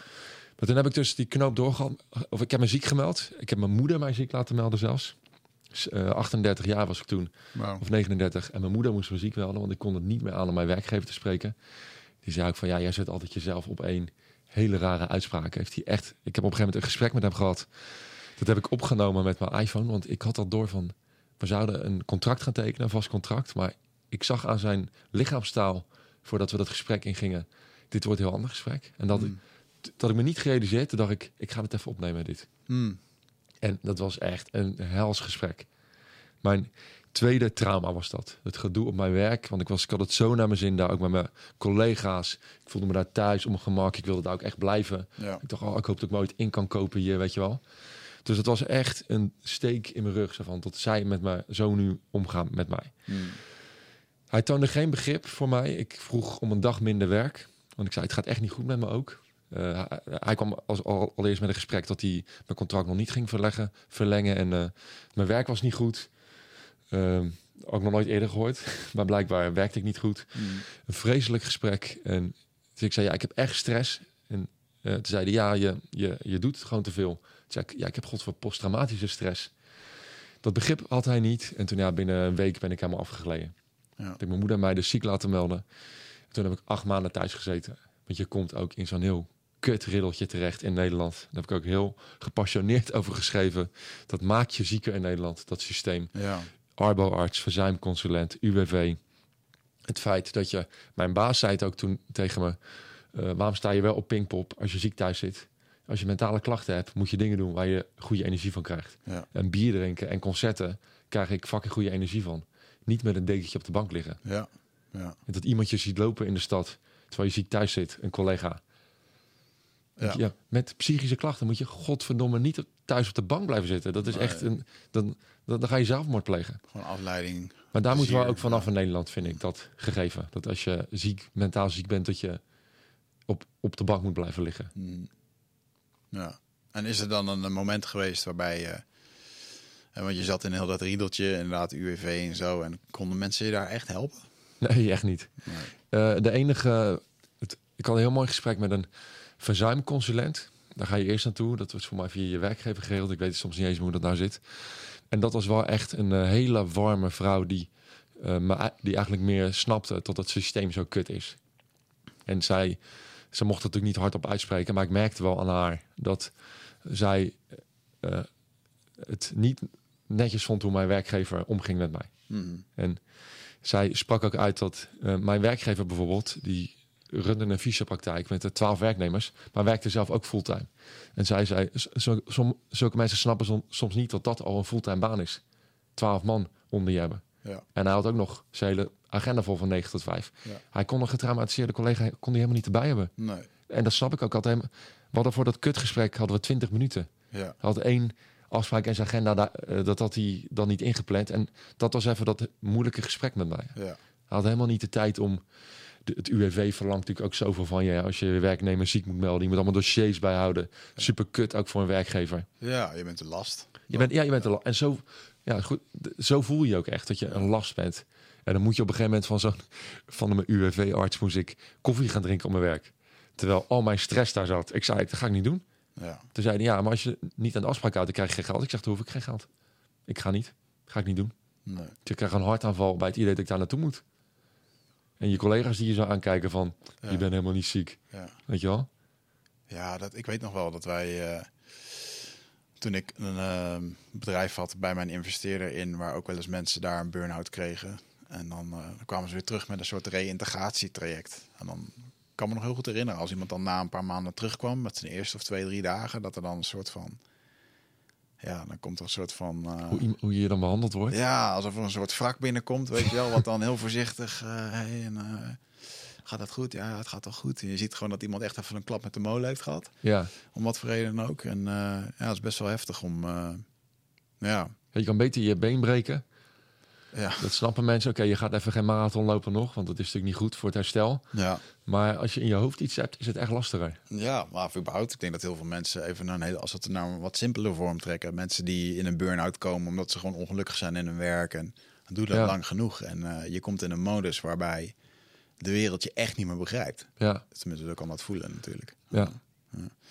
Hey, en ehm, ehm, wat, ehm, wat heb je toen gedaan om daar uit te komen, uit die cyclus? Ik, ik heb voor 50% mijn trauma met eh psychologen opgelost. En daarin ook wel heel erg zelf op zoek gegaan. Oké, van wat past nou bij mij? Wat heb ik nodig? Ja, ik vertelde net al die E EMDR, dat heeft me wel echt heel erg geholpen in het begin. Op een gegeven moment deed het niet zoveel meer voor me. Toen eh, die cognitieve gedragstherapie met een bepaalde vorm van hypnose, dat heeft me toen heel erg geholpen. Maar de andere 50% van mijn trauma moest ik echt zelf op zoek in mijn dagelijks leven van wat gaat me nou verder helpen. En het was vooral dat besef wat de grootste winst heeft behaald, wat mij de grootste winst heeft gegeven. Want in het begin denk je van, ik ga naar een psycholoog of naar de huisarts met een pilletje en dat gaat me waarschijnlijk helpen. Maar je moet echt zelf aan de bak. En dat is sowieso het hele leerproces in dit verhaal geweest van mij, dat ik gewoon fucking zelf met alles aan de bak. Ja. Je moet fucking alles zelf doen, ook je mentale eh, herstel. Ik ben echt gaan zoeken in mijn leven van wat heb ik nou nodig om me rustig te voelen, om gelukkig te zijn. En ehm, dat is een bepaalde structuur die ik wel miste. Want ik was altijd wel iemand die heel zijn agenda vol knalde met afspraken. Vond ik ook leuk om te rennen van afspraak naar afspraak. En dan weer bij die eten, dan een biertje in de kroeg. Maar ik merkte wel met na wat ik had meegemaakt dat dat niet goed is voor mij meer. Nee. Ik moet wel nu bewust ook, en ik heb nu ook wel weer druk de afgelopen weken, dan merk ik het ook weer iets aan me. Wel echt rustmomenten inbouwen. Ik, Ja. moet, naar de, ik moet zorgen dat ik sport, dat ik gewoon fit ben, ehm, gezond eten. En wat ik heb gemerkt in de Heilige Graal is na het sporten eh, flink zweten in de sauna en dan een kwartier op zo'n bedje liggen. Ja. Dat ik zie dat als mindfulness. Op zo'n bedje, dan kom ik in, een bepaalde toestand dat ik niet slaap, maar ook niet wakker ben. Ja. En dan laat mijn brein gaan op. Wat gebeurt er als je dit niet doet? Wat voel je dan? Dan voel ik me gestrest. Hm. Dat had ik in die coronatijd toen die sport. Want ik, ik, ehm, ik heb zenuwschade in mijn linkerbeen door een eh, Ja. enkelbreuk waar ik al acht keer aan geopereerd ben. Wow. Ik kan geen. ehm, eh, ik, ik kan niet springen, rennen. Nou ja, die Bataclan-steeg kon ik nog net hinkend uitrennen. Ja. Dat lukte wel. Dus ik ben gebonden aan de sportschool. Maar ik vind sport in de sportschool, heel veel mensen vinden het vreselijk. Ik vind het ook leuk. Ja. Lekker muziek op en, eh, en hard gaan. Maar als ik dat niet doe, dan eh, merk ik wel dat ik me slechter ga voelen. En ik had echt paniek na die persconferentie tot de sportscholen dicht moesten. Ik dacht, fuck, dat, dat, dat, dat heb ik nodig. ja. Dus- om normaal te blijven, om Ja. te blijven. Ja. Dus heb je thuis een soort kamertje gebouwd, maar dat is gewoon niet hetzelfde. Hmm. Dus ik heb me die, die eerste lockdown ook wel echt even eh, kut gevoeld. Ik miste die sauna echt erbij. Ik had het nodig en ik kon dat nergens anders zoeken. Dus nu die laatste persconferenties. Ik dacht alleen maar, laat die sportscholen open blijven alsjeblieft. Ja. En dat is ook waardoor ik nu die tweede... Ja, het is geen lockdown natuurlijk wat we hebben. Dat, dat slaat nergens op een lockdown is. Dat je opgesloten zit. Maar die, die tweede fase nu kom ik een stuk makkelijker door. Doordat ik dat stukje, wat zo belangrijk is in mijn leven... dat Ja. sporten en naar de sauna en chillen daarna... Ja. dat kan ik gewoon nog doen. Ja. En dat, daar moeten mensen naar op zoek ook. Als je zelf zoiets meemaakt van... ga ook zelf... Weet je, vind jezelf opnieuw uit. Ga op zoek naar waar jij rustig van wordt. Ja. Ga niet alles bij een psycholoog neerleggen. Ja, dat is een, je zegt het net al, jezelf opnieuw uitvinden. Ehm, want je beschrijft hè, over eh, hoe jij jezelf als een, eh, als een oude zeikert of een boze man of Dus, eh, ja, een groot deel van mijn karakter was heel dat. veel onverwerkt ja, shit wat er eigenlijk van binnen zit. Dat was misschien ook wel de reden waarom je van afspraak van afspraak vluchtte. Hè. Continu bezig zijn, afleiding. En in één keer word je geconfronteerd om, om stil te zitten met jezelf. En ehm, weet je nog een gesprek met bijvoorbeeld een... eh, dat je in het traject zat en dat er een gesprek was met een psycholoog met een dokter... dat echt even binnenkwam dat je dacht van fuck man, ik moet dit gewoon zelf doen. Nou, ik, ik heb al wat doorbraakmomentjes met psychologen gehad. Ehm, maar dat was juist, had ik het gevoel dat hij, dat, dat hij me daarbij hielp. Maar op een gegeven moment, tot ik maar naar die psycholoog toe bleef gaan... en dat er niks gebeurde meer. Mhm. Toen ik dacht, kut, ik kom, ik kom nu niet meer verder. Dat, dat, is niet, de- dat, was, dat was niet de afspraak volgens mij. Ja, Want ik liep de eerste twintig afspraken.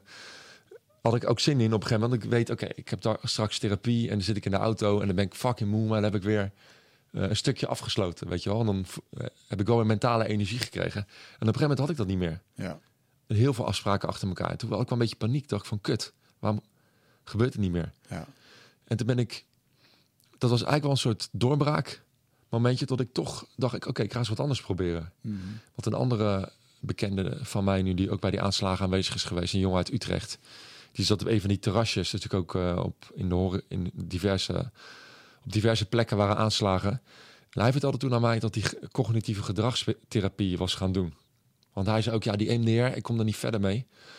Toen dacht ik, oh, ik, ik ga dat maar eens doen. En dat was geen fijne therapeut, had ik geen klik mee. Dat duurde al heel lang voordat ik die afspraak had. Eh, toen twee maanden later had ik wel weer een afspraak met een andere therapeut waar ik een onwijze klik mee had. Dus ik ben, dat was echt een zoektocht naar eh, een goede therapeut en naar, naar wat ik nodig had. ja. En dat, het, ja, dat, dat was eigenlijk gewoon de doorbraak, dat besef in mijn brein van oké, ik moet nu zelf gewoon blijven zoeken. Mm. En niet alles bij die ene EMDR-therapeut liggen. Ja. Leggen waarvan ik dacht dat hij me helemaal beter zou gaan maken. Ja. En dat is ook iets wat, dit krijg je niet voor goed, toch? Dit moet je gewoon zelf betalen. Die EMDR wel, maar die andere niet. Nee, Ja. en dat is ook de, de kutte aan het zorgsysteem in Nederland. Je hebt diagnosecodes. Ja, Maar de diagnose of de of behandelcodes, de behandelcode voor EMDR, cognitieve gedragstherapie en hypnose, Mhm. dat bestaat niet. ja. Want dat zijn eh, drie behandelcodes. Dus dat is alternatief. ja. Dat is niet bewezen. Want dat moet je allemaal los van elkaar doen. Ja. Want daar is onderzoek naar gedaan. Ja, dat is fucking slecht. Echt. Ja. Ik spreek ook wel eens mensen die dan eh, nu stress hebben of hè, dan vaak zijn dat gewoon de dingen niet gelukkig zijn of eh, wat depressief voelen of wat dan ook. En die dan naar de huisarts gaan. En die dan door worden verwezen. En die fucking acht maanden moeten wachten op uh, dat ze een Ja, keertje terecht kunnen bij de GZ. Acht maanden, man. Dan, dan, dan moet iemand daar weer uit zijn, weet je wel. In plaats van nog acht maanden erin laten Ja. sudderen. Dat is niet goed. En dan medicatie is het enige dat ze hebben vaak. Hè? Mm. Dus dat is echt waarom ze soms pillen geven. Omdat iemand zo wanhopig is. En dan heb je in ieder geval iets. Ja, ja dat is natuurlijk een, eh, een pleister op wat je zelf al beschrijft. Je komt in een soort bubbel waar, eh, waar niks meer binnenkomt. En, en dat brein een soort van wat ja, rustig wordt gehouden. Je, je plakt dus het pleister op een etterende wond. Ja, Ja, die wond is dan even dicht. Maar ja, het zit wel te broeien allemaal daar. ja. Dan moet je ooit mee aan de bak. ja. En, en is er ook voor jou een, Eureka, een eh, soort ehm, Eureka-moment geweest dat je dacht van, nou, ik ben nu best wel lang met mezelf bezig. En dat je op een gegeven moment dacht, wow, ik heb nu wel echt even een stap gemaakt. Dit, dit had ik een paar maanden geleden nog niet. Ik heb één dag, die, eh, die, die zou ik nooit vergeten. Dat is dat een vriend van mij zei van... Dat was wel echt in, me, in een hele slechte tijd. Tot ik net eh, eh, de band met mijn werkgever had eh, doorgehakt. En ik voelde me ook een beetje sukkel. Dat ik, me, tot ik geen werk meer had. En tot ik ziek thuis... Dat ik iedere dag om 11 uur mijn bed uitkwam. En tot hij zei, laten we, laten we even gaan skiën. Dat was midden in de zomer op zo'n eh, indoor eh, skibaan. En eh, nachten alleen maar paniekaanvallen, nachtmerries. Eigenlijk geen... ge- Ik voelde me gewoon geen één moment... Ik had weken achter elkaar dat ik me niet gelukkig voelde. Gewoon nooit een momentje op de dag had dat ik even blij was. En dat zijn echt de zwaarste periodes. Dat je denkt, hoe ga ik dit volhouden als dit, Ja. als dit nog te lang duurt? En toen waren we weer skiën op die berg. Om het sporten kon ik mezelf toen bijna niet eens meer afleiden. Maar dat skiën, ik was toen zo bezig met... oké, ik moet niet in mijn mel gaan. Want met mijn enkel ski ik ook niet zo heel makkelijk. Hmm. Ik was toen zo bezig met mijn techniek... dat ik echt na een uur zei van... ik heb gewoon een uur niet aan mijn problemen gedacht. Nou, wow. Gewoon, dat zijn van die kleine, kleine dingetjes. Dat ik dacht, oké, ik moet echt meer van dat soort dingen gaan zoeken. En ik zat qua sport toen ook wel een beetje in vaste riddeltjes in de sportschool. Ik dacht, ik moet wat meer van die explosievere oefeningen gaan doen. Dat je gewoon snel achter elkaar Hmm. alles doet. Want je kan wel eens met die kuttelefoon ook oefening na oefening dan weer even een berichtje checken. En ik dacht, nee, ik moet dat sporten, ik moet zorgen dat ik niet afgeleid ben meer. Focus. Ja. Ja. Ja. Dus toen ook wel eens iets van, je moet erop uitgaan. Want je moet je, moet je huis uit. Ja. Je moet mensen om je heen hebben. Dat, maar je moet het ervaren ook. En dan, dat is ook zo cheesy. Sommige dingen moet je ervaren Ja. door te gaan doen. En dan snap je het pas. Ja. Je kan honderd keer iets zeggen tegen iemand. Je moet gaan sporten. is beter voor je. Maar als je het niet ervaart dat je een keer die euforie hebt na een goede training. En dan kan je wel sporten. Ik weet nog toen ik een burn-out had, dat ik echt... eh, sporten was altijd mijn ding, soms twee keer per dag. En toen kon ik dat in één keer niet meer. En eh, dan moest ik in één keer... Ik heb gewoon een jaar lang alleen maar op een yogamat gelegen, weet je wel. Oh, heerlijk. Gewoon geen zware dingen, geen spierpijn, maar gewoon strekken, retje, Ja, eh, stretchen, rekken en, eh, en chillen. En ehm, ehm, wat jij met het skiën had, heb ik daarin ervaren met, eh, met gitaar spelen. Je kan niet gitaar spelen als je niet op zit te letten. Je kan Ja. niet over anderen nadenken, anders dan werkt het Ja, niet, weet je wel. ja. En het is gewoon zo'n solid focus op, eh, op dat ding. dat malende brein van je. Dat mij niet ophoudt soms. Ja, of ehm, voor mezelf 30 dagen lang bijgehouden waar ik nou eigenlijk energie van kreeg. Of ehm, eh, me slecht door ging voelen. En daar kwam eigenlijk als conclusie uit. Ehm, ik geef dit, dit is nu de eerste opdracht als mensen met mij een jaartraject coachen. Dan ga je dat een maand lang bijhouden. Hoe je je voelt en hoe je denkt. En bij mij kwam er echt uit dat ik me ontzettend goed voelde als ik sociaal contact had. Maar ja, ik had twee keer per maand sociaal contact. Omdat ik gewoon iemand opzoek of gewoon... Ben gewoon een, een eenzel, einzelganger. Ja, Terwijl het super gezond is om gewoon om, omringd te zijn door mensen. En eh, als je dan in één keer ziet van, hé, hey, hier gaf je jezelf een acht. Waarom? Omdat je de avond ervoor een paar vrienden hebt gezien? Ja, misschien moet je dat vaker doen, weet je wel. ja. ja, maar dat is sowieso... De, de dingen opschrijven is echt de, de key. Ik doe ook iedere dag voordat ik ga slapen... schrijf ik een journal. Mhm. Dan schrijf ik dingen op waar ik een mooie ontmoetingen met mensen, een gesprekje met een bekende, iemand die je in de supermarkt tegenkomt, te- tegen het lijf loopt toevallig. Maar ook dingen waar je over piekert. Ja, En ik sluit altijd af met waar ik dankbaar voor ben geweest die dag. En het mooie is als je op een gegeven moment zo, ik heb nu zo'n stapeltje met van die journals heb en soms pak ik het een op een random dag. En dan denk ik zo, ik maakte me zo druk over dat en daar heb ik nooit meer over nagedacht. nee, bizar. Dat is, dat is ook fijn om te. Het, helpt ook dat je denkt, ah, alles Ja. komt uiteindelijk toch wel weer goed. Wat je waar je vandaag zo over piekert. Volgende week denk je daar niet eens meer aan. Ja. Is dat een, eh, een van de lessen die, de grootste lessen die je hebt gehaald uit deze, deze gebeurtenis? je bent natuurlijk een ander mens geworden, maar... Tot het allemaal goed komt Nou, uiteindelijk. het stukje relativeren. Nou, het, het, het is heel makkelijk en cheesy gezegd, maar eh, ja, alles is goed gekomen in mijn leven uiteindelijk. En Mhm. eh, ik heb veel heftigere dingen voor mijn kiezen gekregen de afgelopen vijf jaar. Veel meer dan die 37 jaar daarvoor. Ja. En de afgelopen vijf jaar ben ik, nou ja, na dat heftige psychische traject echt zo goed doorgekomen. Dat er echt maar weinig dingen zijn die me echt van mijn stuk kunnen brengen. Ja, zelfs de dood van mijn vader. Ik, ik merk toch wel hoe ik daarop reageer nu. Mhm. Op de gewoon volwassenere manier dan hoe ik vroeger met mijn verdriet omging. En dat vind ik wel mooi om te merken aan mezelf. Ik denk, Ja. god, ik ben echt gegroeid. Dus niet ik bij iedere tegenslag denk van... God, kom maar. Dat Ja. even kijken hoe, Ja. wat ik hier weer uit kan halen. Of, hier, of hoe ik hiervan kan leren. Maar ja. Ja. jij kent het ook. Ik ben gewoon wat veerkrachtiger geworden, gelukkig. Mhm. Ik ben niet snel, ik ben niet snel van mijn stuk te brengen. Niemand kan me meer beledigen. Want ik was altijd beledigd vroeger als ik feedback kreeg of weet ik veel wat. Ja. Niemand kan mij boos krijgen. Alleen mensen die mij echt aan het hart gaan. Ja, die beledigen mij nooit. Nee. Want het zijn mijn vrienden. Ja, tuurlijk. Ja. En de rest is... Ja, maar jij, jij, jij kent mij niet. Als jij iets lulligs over me... Niet jij persoonlijk bedoel ik, maar een wildvreemde die iets zegt over jou. Denk ik, nou, ik laat het lekker daar. ja. In deze lange tenen maatschappij, Ja. vind ik. Ja, ja, ja. Want wie heeft de langste tenen nu? Het is bijna een soort eh, wedstrijd soms. ja. Heel irritant. Ja, ja, ja, nou ja, we leven in een cultuur waar niks meer. eh, Iemand zei het gisteren heel erg mooi. Waar je een prijs krijgt als je verliest. En, eh, en allemaal van dat soort. Ik, zo'n soft. ja, je wordt bijna gevierd als je hebt verloren, zeg maar. Ja, en als je Terwijl, beledigd eh, bent, dat is de... Als je beledigd bent, dan, dan ben je krijg je de- zielig. En dan krijg je, een, Ja. krijg je een lolly en een ballon en dan eh, een knuffel, bij wijze van spreken. En, maar goed, dat is de zelfredzaamheid. eh, ja, je, je duwt heel veel mensen echt zo de slachtofferrol in. ja, Vind ik soms. ja, En het zijn echt dingen waar ik ook denk, ja, dat is goed. Tot we bepaalde dingen aan de kaart stellen ook hoor, echt wel. Maar zeker. ik, Ja. nou ja, Nou, ik snap, je, hier ik snap waar je heen, nee, ik snap waar je heen wil. Hey, en ehm, je, je benoemt dan net je, je vader, ehm, onlangs overleden. Ehm, heb, je het, heb je het goed af kunnen sluiten met je vader? nee, nee dat, dat moet nog gebeuren. Dat is, dat is pas twee weken geleden Mhm. gebeurd. Vorige week hadden we de uitvaart. En ehm, dat is allemaal zo, je, daar word je ook een beetje geleefd in, eh, in alles wat, je, moet- wat er geregeld moet worden omheen. En eh, Ja. Ja, mijn carrière leeft me ook nu een beetje. Mhm. Maar ik weet, er komt een hele rustige tijd aan straks. Ondanks dat een kind aankomt, maar qua werk zal het Ja. wat rustiger zijn. ja, zeker. Ja. En dan komt dat wel. ja. Soms mag je dingen ook even parkeren. ja. Ik vind een uitvaart ook is geen.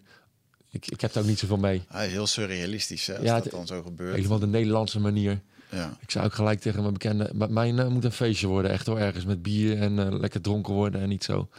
Ondanks dat het mooi, mijn familie had het mooi georganiseerd hoor. Maar ja, tuurlijk. Ja. ik vind de, de uitvaartcultuur in Nederland echt verschrikkelijk. Ja, ja. Maar, maar ik bedoel meer, heb je, het, ehm, heb je er vrede mee voor je, eh, weet je? Heb je je vader nog gesproken daarvoor? Of heb je nog een mooi laatste moment met hem gehad wat je koestert? We, hebben elkaar, we hadden elkaar best, best wel lang niet gezien. Hm. Dus dat, dat is. Maar ik had wel. Nou, ik, ik, ik, ik neem mezelf dat ook niet per se kwalijk hoor. Dat, dat- ik werd ook gewoon even geleefd. En ja, hij is ook natuurlijk. Nee, het is niet dat hij een lang ziektebed heeft gehad. Het was gewoon van de een of de andere dag. Ja, Ja, ik hoop dat ik ooit zo ga. Hij is veel te jong, 67. Maar ja. ik val liever. Hij is neergevallen bij wat hij hetgeen, eh, wat hij het liefst deed: Mhm. klussen. Mhm. En had iets aan zijn hart. En we zeiden altijd: kijk nou uit. Loop nou niet de hele dag badkamers te verbouwen. En ja, Ja. daar luisterde die naar, niet naar. Ik ben ook blij dat hij dat gewoon is blijven doen. Ja, Dus eh, dat gaat ben ik wel. Ik heb liever dat iemand zo gaat dan dat je zo dat je om, om zo'n bed negen maanden heen staat. ja, zeker man, dat is verschrikkelijk. Dus en ik zou ook zeker weten dat hij dat ook niet had gewild. Ja. Weet je, dus ik, ik nurture mezelf ook wel een beetje bij die gedachte. Ja, Maar het is, ja, het is ook om, je leven staat ineens stil als je ja, dat hoort. Bam, Ja, dat geloof ik, ja. He- heel bizar. Ja, ja het is... eh, En dan komt er weer nieuw leven aan. Het is ook Ja, echt een ja, circle of life, weet je wel? dubbele tijd inderdaad, ja. Maar goed, je hebt wel ontzettend... Ik denk dat je geen een groter cadeau aan je vader hebt kunnen geven dan eh, sowieso het werk wat je de afgelopen vijf jaar hebt gedaan met jezelf, aan jezelf. Ja, dat denk ik ook wel. Ehm, om dat vervolgens nu je ja, succesvol in een boek te kunnen op te schrijven, wat ook gelijk een, eh, een hit is. Dus mee de kist ingegaan. En eh, ja, man, dat Zijn boek. eh, ja, ik bedoel, ook ondanks dat je hem niet hebt gezien, ehm, heb je wel alles kunnen geven wat, eh, wat hij denk ik had willen ontvangen van je, toch? Ik hoop het. Ja, ja. Mooi. En, en dan binnenkort komt er een, eh, een kindje. Dat is ook wel bijzonder. Jezus, ja. Ja, want normaal drukt, ehm, ehm, dat vind ik dan wel weer een interessante, dat Eh, je hebt nu de blauwdruk ferry hè, met, eh, met alle trauma's en dingen die je hebt meegemaakt van vroeger uit en, en het Bataclan verhaal. Ehm, en gaandeweg in het leven gaan er weer nieuwe dingen ontstaan die op verschillende knoppen drukken. En daar komt natuurlijk ook een kindje bij. Ik weet nog dat ik het doodeng vond om vader te worden. Had ik echt even, moest ik echt even aan wennen. En, eh, en dat drukte bij mij ook weer op allerlei eh, knoppen die er bij mij zaten. Is dat ook een beetje bij jou eh, voorbij gegaan of, of niet? Ja, ik vind wel echt heel onwerkelijk dat ik weet dat mijn leven nu elke dag zo gigantisch gaat veranderen.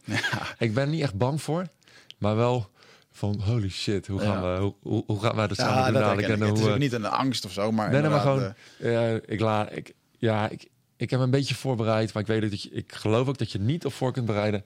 Dus ik laat het gewoon over me heen komen en ik, ik ga daarin mee. En het zal honderd keer zo zwaar zijn dan dat ik had gedacht. Maar ja, of niet? ja, misschien ook niet. Kan Ik, eh, vallen. mijn zus heeft ook een kleintje gekregen dit jaar, mijn tweelingzus, nog op de eh, 41ste. En dat is zo'n makkelijk ventje. Hmm. Dus ik hoop ook, de zwangerschap is tot nu toe echt ontzettend soepel geweest. Ja. Echt geen enkele tegenslag of complicatie gehad. Ja, te gek. Dus ik hoop dat dat een voorbode is. Ja, Het is een meisje, ik hoor dat daar altijd wel wat meer een kop op zit. ja dit, zijn, dit zijn allemaal van die cliché dingen, van dat hoor je dan van vrienden en zo. Ik weet niet of dat, eh, ehm, ja, je kunt het niet echt zeggen, denk ik. Ik, ik weet zeker dat, het, dat ik dingen ga meemaken die, in mijn die ik in mijn lezingen zou mee gaan nemen. Dat, Ja, dat is met alles wat ik in mijn leven, grote dingen die ik meemaak. Ook met met mijn vader merk ik al, die paar lezingen heb gegeven, dat je er iets over benoemt, toch ineens. Of zo, omdat het diep, dat het. Ja. even leeft nu. Ja, zeker wel. Ja. Ja, die gaat echt wel anders nadenken over het leven. Hoor. Corona natuurlijk, neem je ook en, eh, ja. ja, en eh, dan heb je nu de... mm, eh, je geeft nu de lezingen. Ehm, Ja. Ik weet nog dat ik een, eh, een sprekerstraining deed in Amerika. Er zaten ongeveer 50 mensen. En die zat in een groot theater van een meneer die dat heel mooi kon doen. En die zei, oké, doe maar gewoon de opening van hoe jij normaal een lezing geeft. En normaal had ik die nooit echt, want ik begon gewoon en dan had Ja. ik niet echt één. Maar je moet voor zijn methode of de Amerikaanse, eh, je moet de one, met die one-liner moet je openen. Nou goed, dus je mocht er daar een dag op broeden en dan mocht je dat daar doen voor de zaal. En ehm, ik weet nog dat er een vrouw stond en die had een one-liner waar iedereen wel echt zo van oeh, die zei van op een gegeven moment. ehm, ik nam een hele pot met pillen. En de volgende ochtend werd ik wakker. En het eerste wat ik dacht... Shit, ik heb niet genoeg genomen. Ik ben wakker geworden. En dat iedereen echt soort van... Oh shit, het is best wel een heftig verhaal, weet je. Eh, maar die deed dat heel erg emotioneel. En, eh, en, en waarbij die sprekertrainer... Wat ik heel erg goed vond van hem... was dat hij zei van... joh, jij, jij moet nog helemaal niet op het, op het podium staan Nee, je, met dit verhaal. je gaat mensen traumatiseren. Je zit gewoon, je, je raakt mensen op een pijn die ze eigenlijk niet willen voelen. Eh, je, wil, je wil niet dat mensen medelijden met je krijgen. Nee. Weet je wel? En Ja. ik kan me best wel voorstellen dat eh, je bent natuurlijk gewoon, je bent nu professioneel spreker. Je bent vijf jaar verder. Je, je zit helemaal in het verhaal. Eh, je doet mooie dingen, want je, je vertelt wat je eruit hebt gehaald uit, dit, uit deze gebeurtenis. En kan je voor jezelf eens uitleggen hoe dat, dat ja, hoe is dat spreken begonnen en hoe is, heb je dat ervaren? En, en heb je op een gegeven moment ervaren van oké, ik kan er nu echt over praten zonder dat ik er nog helemaal emotioneel van word of maar dat ik wel de boodschap kan overbrengen dat die raakt. Nou, wat jij zegt, die feedback die heb ik ooit eens van Robert de Vries gekregen. Die ken je ook, van de Quality Mhm. Ja. Bookings. Toen ik in het begin had ik gewoon een eh, plat, heftig, traumatisch verhaal. Tot hij ook zei tegen mij van, je moet uitkijken, want je kan ook mensen traumatiseren met jouw verhaal. Dat is volgens mij niet wat je wil. Wat Mhm. is nou jouw boodschap? En ehm, ja, ik ben eigenlijk per ongeluk spreker geworden daarna. Er was iemand van de politie die had me uitgenodigd voor een aangifte die we moesten doen. Want na een aanslag moet je een aangifte doen voor eventueel een schadevergoeding waar we dus recht op bleken te hebben. En Oh, wow. ik had geen aangifte gedaan in Parijs. Ik was aan de politie ontsnapt. Mijn vrienden wel, want die waren dicht bij de Bataclan aan het schuilen. Ik was veel te ver daar vandaan. Dus Mhm. zij hadden wel iets op papier met een officieel document van jullie waren bij de aanslag.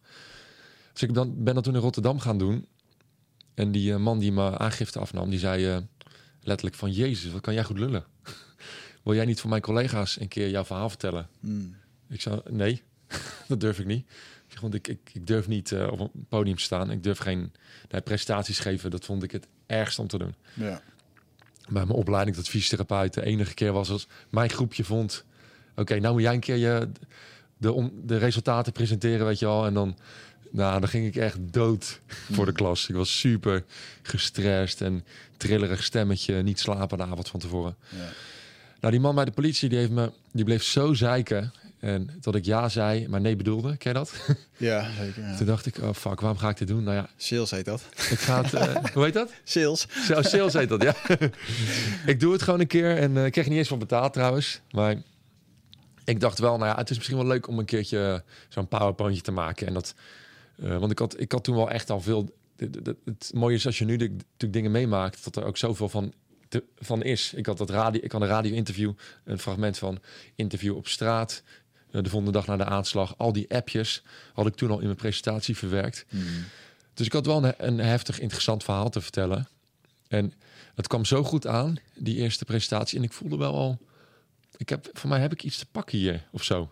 Want de, hoe erop gereageerd werd, dat vond ik wel echt fucking bizar. Ik kreeg staande ovatie en mensen met tranen in hun ogen. Zo van, wow, je kan echt mooi vertellen. Ja, en juist de omgeving denk ik van mensen die het wel echt begrijpen ook. En, Ja, het, het was mooi dat het dat bij de politie was. En toen was het tweede ding waar ik voor gevraagd werd door iemand van de politie... was een eh, TED, TEDx in het Nederlands gewoon. Hmm. Toevallig gisteravond een TED ook in het Engels geschreven. Ehm, en toen heb ik een eh, coach gehad die me heeft geholpen met een verhaal van 10 minuten in elkaar te zetten. En dat is echt een tool geweest waar ik mijn grote verhaal aan op heb gehangen daarna. Want in 10 minuten moet je gewoon tot de kern komen van wat wil je nou vertellen? Wat is je boodschap? Ja. En dat wist ik toen helemaal niet. Ja. Maar daar ben ik echt toen heel goed over na gaan denken. Van, en hij was nog een beetje te semier hoor toen bij die TED Talk. Maar het, het ging er wel heel erg over van dat je het bij jezelf moet zoeken. Dat, dat boos zijn op de wereld helemaal niet helpt. En dat je moet verbinden met elkaar. Ik ben de vader van een terrorist, had ik al opgezocht. Dus het zat er wel allemaal. Ik tipte wel alles aan wat ik de afgelopen jaren allemaal verder heb, Hmm. eh, heb onderzocht. Dus dat, dat is eigenlijk het begin van mijn sprekerscarrière geweest, die TED Talk. En toen Ja. is het gaan rollen. Het zaten mensen in de zaal die zeiden, kan je een keer bij mij komen? En ehm, het is bij mij heel mooi organisch gegroeid. De eerste twee jaar alleen maar voor de politie. Omdat mensen ook dachten... Jij zei net wel ook van eh, een bekende van jou. Van, eh, ja, maar die Ferry die praat toch alleen maar over die aanslag. Hmm. Ik was zo verbaasd dat mensen dat nu nog steeds denken na vijf jaar. Ja. Denk, jezus. Tegen mijn vriend... Ik heb zelfs familie die zeggen wel eens... Ja, maar je praat alleen maar over die aanslag. Ik zeg, denk je nou echt dat ik over heel de wereld lezingen geef... als ik alleen maar over die kut-aanslag vertel? Nee, Dus nee. Ik heb echt wel meer te vertellen. En, ehm, Dat, was, dat was de katalysator. En ja, er zit veel meer, toch? Dat ja, het. ja, dat hoop ik wel. Eh, ik, ja, ik, dat vind ik ook veel leuker om over te vertellen. Maar toen is het balletje echt gaan rollen. En nu, eh na, na 3,5 jaar, kon ik de knoop doorhakken van... oké, ik stop als fysiotherapeut en dit wordt mijn Ja. werk. En ik heb ook gemerkt dat toen ik daar vol focus had... toen ging het ook gelijk twee keer zo hard. Ja. ja, vet. Mooi man. Ja, en je doet het niet alleen in Nederland, je doet het ook al in het buitenland. Mooi verhaal dat jij eh, met, je, met een zakje spaargeld naar Amerika ging om daar gewoon eh Iedereen denkt, te geven. ik heb een toertje door Amerika gedaan. Ja. In eh, Californië, Nevada en Hawaii. Ik wilde, naar plekken, ik wilde op plekken waar ik gewoon naartoe wilde. Mhm. En mensen denken allemaal dat ik daar mijn zakken heb gevuld. Maar Ja. ik heb mijn zakken geleegd, maar mijn hoofd gevuld met echt fucking toffe ervaringen. Ja. Ik dacht, ik wil naar Amerika. Maar mijn verhaal past daar. Ja, Dat, dat, dat weet ik gewoon. Maar ja, niemand kent fucking Ferry Zandvliet daar. Ze kunnen niet eens uitspreken die naam. nee, en Mijn naam is ook en Bataclan ook niet, toch? Geslacht. Nou, die aanslag kennen ze wel, doordat het een Amerikaanse band was. Dat is wel een beetje Ah, blijven. Hmm. Maar ik dacht, oké, ik ga naar Amerika en daar wil ik groot worden. Hoe ga ik dat doen? Nou, ik ga het net doen als in Nederland. Eh, ik ga politie benaderen.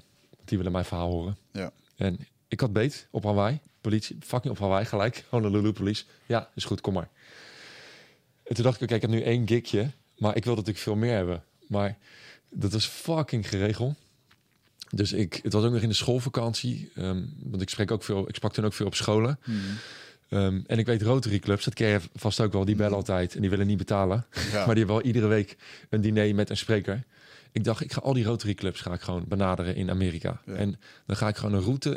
Er zitten in elke stad, grote stad, zitten er geloof ik 50. En ik dacht, dat vast wel ergens beet.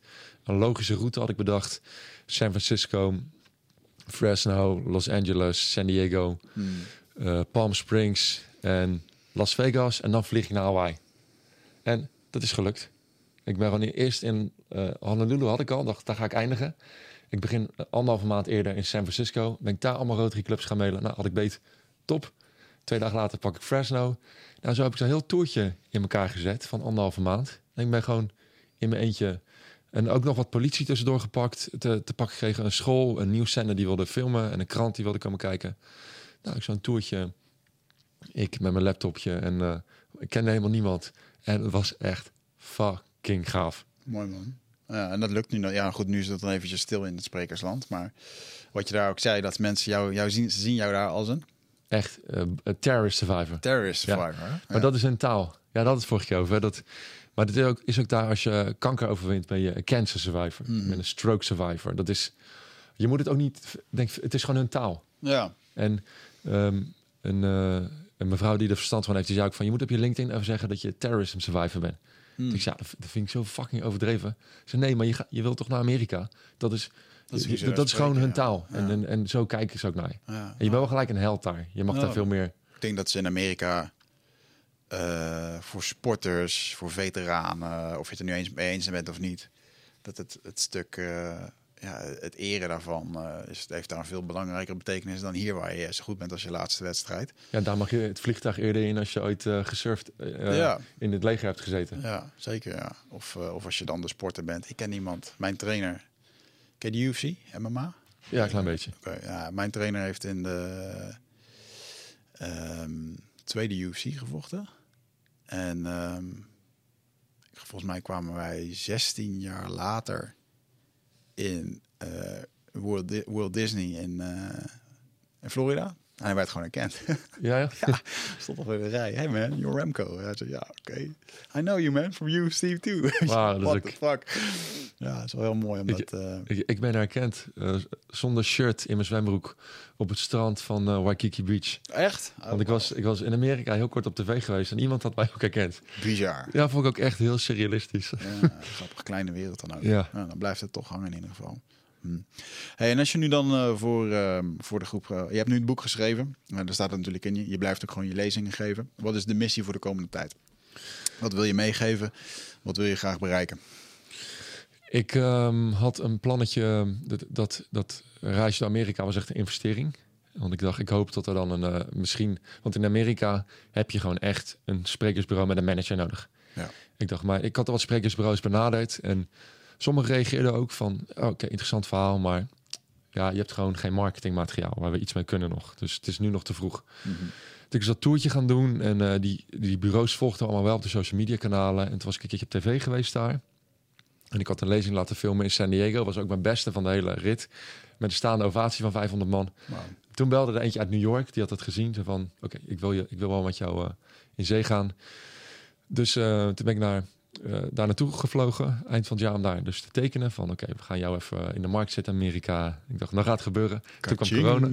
Corona. Ja, de, de, de, de gaasjes. Die, maar daar, dat, dat is niet waar ik het voor deed.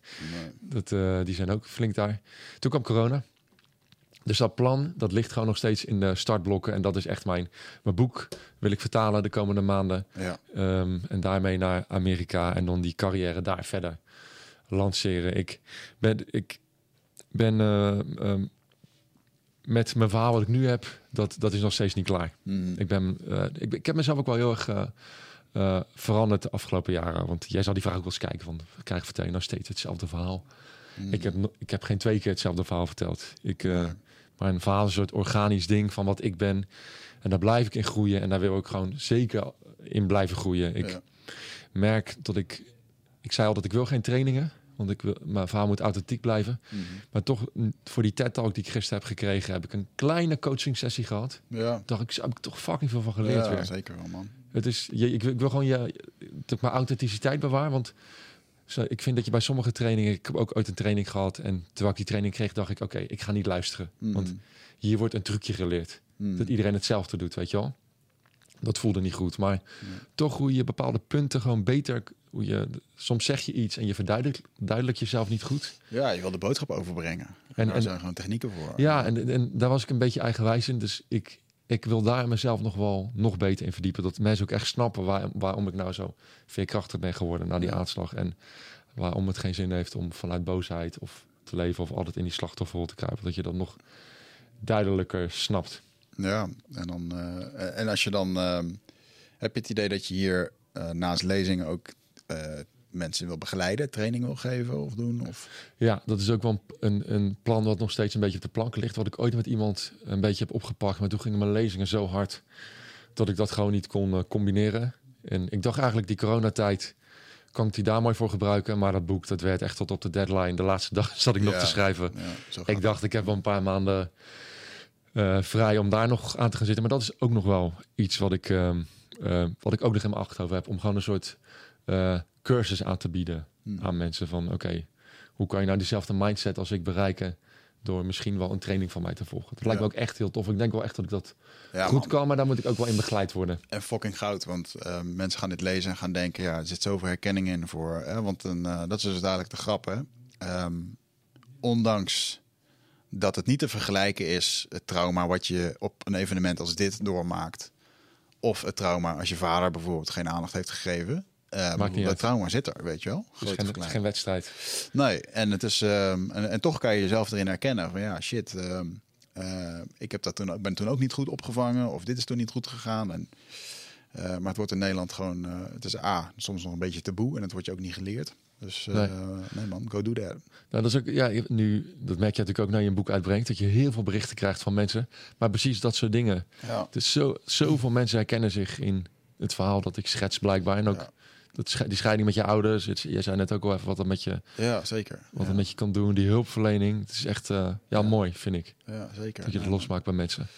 Dat, eh, dan kan je een mooie, ik ga je wel helpen met een mooie funnel hiervoor. En, wat een mooie Een wat? mooie funnel noemen ze dat, een marketing funnel. Oh, nice. Dus eh, ja, want uiteindelijk, ik merk het nu ook, mensen lezen je boek en ze denken voor ons, nee man, wat hierin staat is tof, ik wil je wat mee. Ja, maar je biedt het niet aan, dus je kan ze eigenlijk niet verder helpen. Ja. Maar ze willen eigenlijk verder met je werken. Ja, Een hele- met, met een lezing hoop je natuurlijk ook wel eh, mensen eh, na te, laten laten denken. Een Ja. zaadje te planten. En, eh, ja. Maar hoe mooi is het als ze gewoon nog verder met je willen? Want ook in die lezing denken ze van, hé hey man, en dat zegt mijn sprekerstrainer in Amerika, die zegt van, joh, ehm, je zit in de zaal, je inspireert ze en vervolgens denken ze, ik wil met Ferry wat doen. We gaan dat doen. Maar je biedt niks aan. ja. Dus, dus, dus het gebeurt niet. Terwijl ze eigenlijk op de stoel zitten van wauw man, wat eh, die kennis. eh, nou, maar je snapt ook wel in een uur kun je maar zoveel vertellen. Ik bedoel, Ja. we, zitten- nu bijna twee uur te vertellen en ja, je kunt nog wel acht uur vertellen, weet je wel. Tof, Dus, daar daar gaan we eh, even een keertje over Ja, dat is leuk, dat is leuk. Dat is inderdaad vet. Ehm, ja, goed. En hij ligt nu in de winkels. Ehm, deze is het, jongens. Souvenirs, beter naar Bataclan. Koop het boek. Kunnen ze nog een bepaalde link waar ze het moeten kopen? Via mijn website ferryzandvliet.nl. Dat is de beste. Ja, oké. En ehm, wat eh, eh, is er een soort eh, eindconclusie die hier uitkomt, wat je mensen mee wil geven? Nou, wat, wat ik wel heb geleerd, en dat is de, de, de mindset waardoor ik nu gewoon zo relaxed in het leven sta. Waardoor ik vroeger zo'n vervelend mannetje was. Mm. Dat ehm, ik me nu realiseer dat alles wat het leven eigenlijk op mij afvuurt, alles waar je mee te maken krijgt, dat je daar invloed op hebt. En dat is zo, dat is zo een kantelpunt in mijn leven geweest. Ehm, als je alles, als je de hele wereld de schuld geeft van alles wat er gebeurt, dan kom je ook niet verder. Nee. Maar nu is er niks wat mij van mijn pad kan brengen. Eh 9 van de 10 dingen die, die eh, tegenslagen die je tegenkomt, als je daar ehm, je schouders onder zet, dan kan je het ook veranderen. Dan kan je het Ja. omdraaien naar, naar iets, niet per se naar iets positiefs alles, maar als iemand boos wordt op mij, dan werd ik vroeger ook boos. En nu denk ik van, waarom wordt diegene boos op mij? Le- heb ik misschien iets gedaan? Mhm. Ehm, en het feit dat niks me van mijn stuk kan brengen, en dat is zo een fijn leven. Kijk, je vader dat overlijdt, dat zijn natuurlijk van die dingen, oké. Of een kind dat geboren wordt, dat zijn wel even echt Ja. grote dingen. Je mag gewoon mens blijven. Hè? Dat, Maar, eh, ja, natuurlijk. Maar ik denk dat de meeste mensen, eh, wij maken ons allemaal veel te druk om dingen waar het helemaal geen zin heeft. Om je heel erg druk over te maken en jezelf heel erg ongelukkig door te maken. Ook mm, heb je er geen invloed op, laat het los. Hoe moeilijk dat ook is. Ga lekker even sporten, maak je hoofd leeg. Corona, ik heb er ook echt eh, over gepiekeld hoor. Je, je had natuurlijk ook dat je agenda in één keer helemaal leeg is. en Mm, het is ook ja, gewoon zeker fucking kut. ja.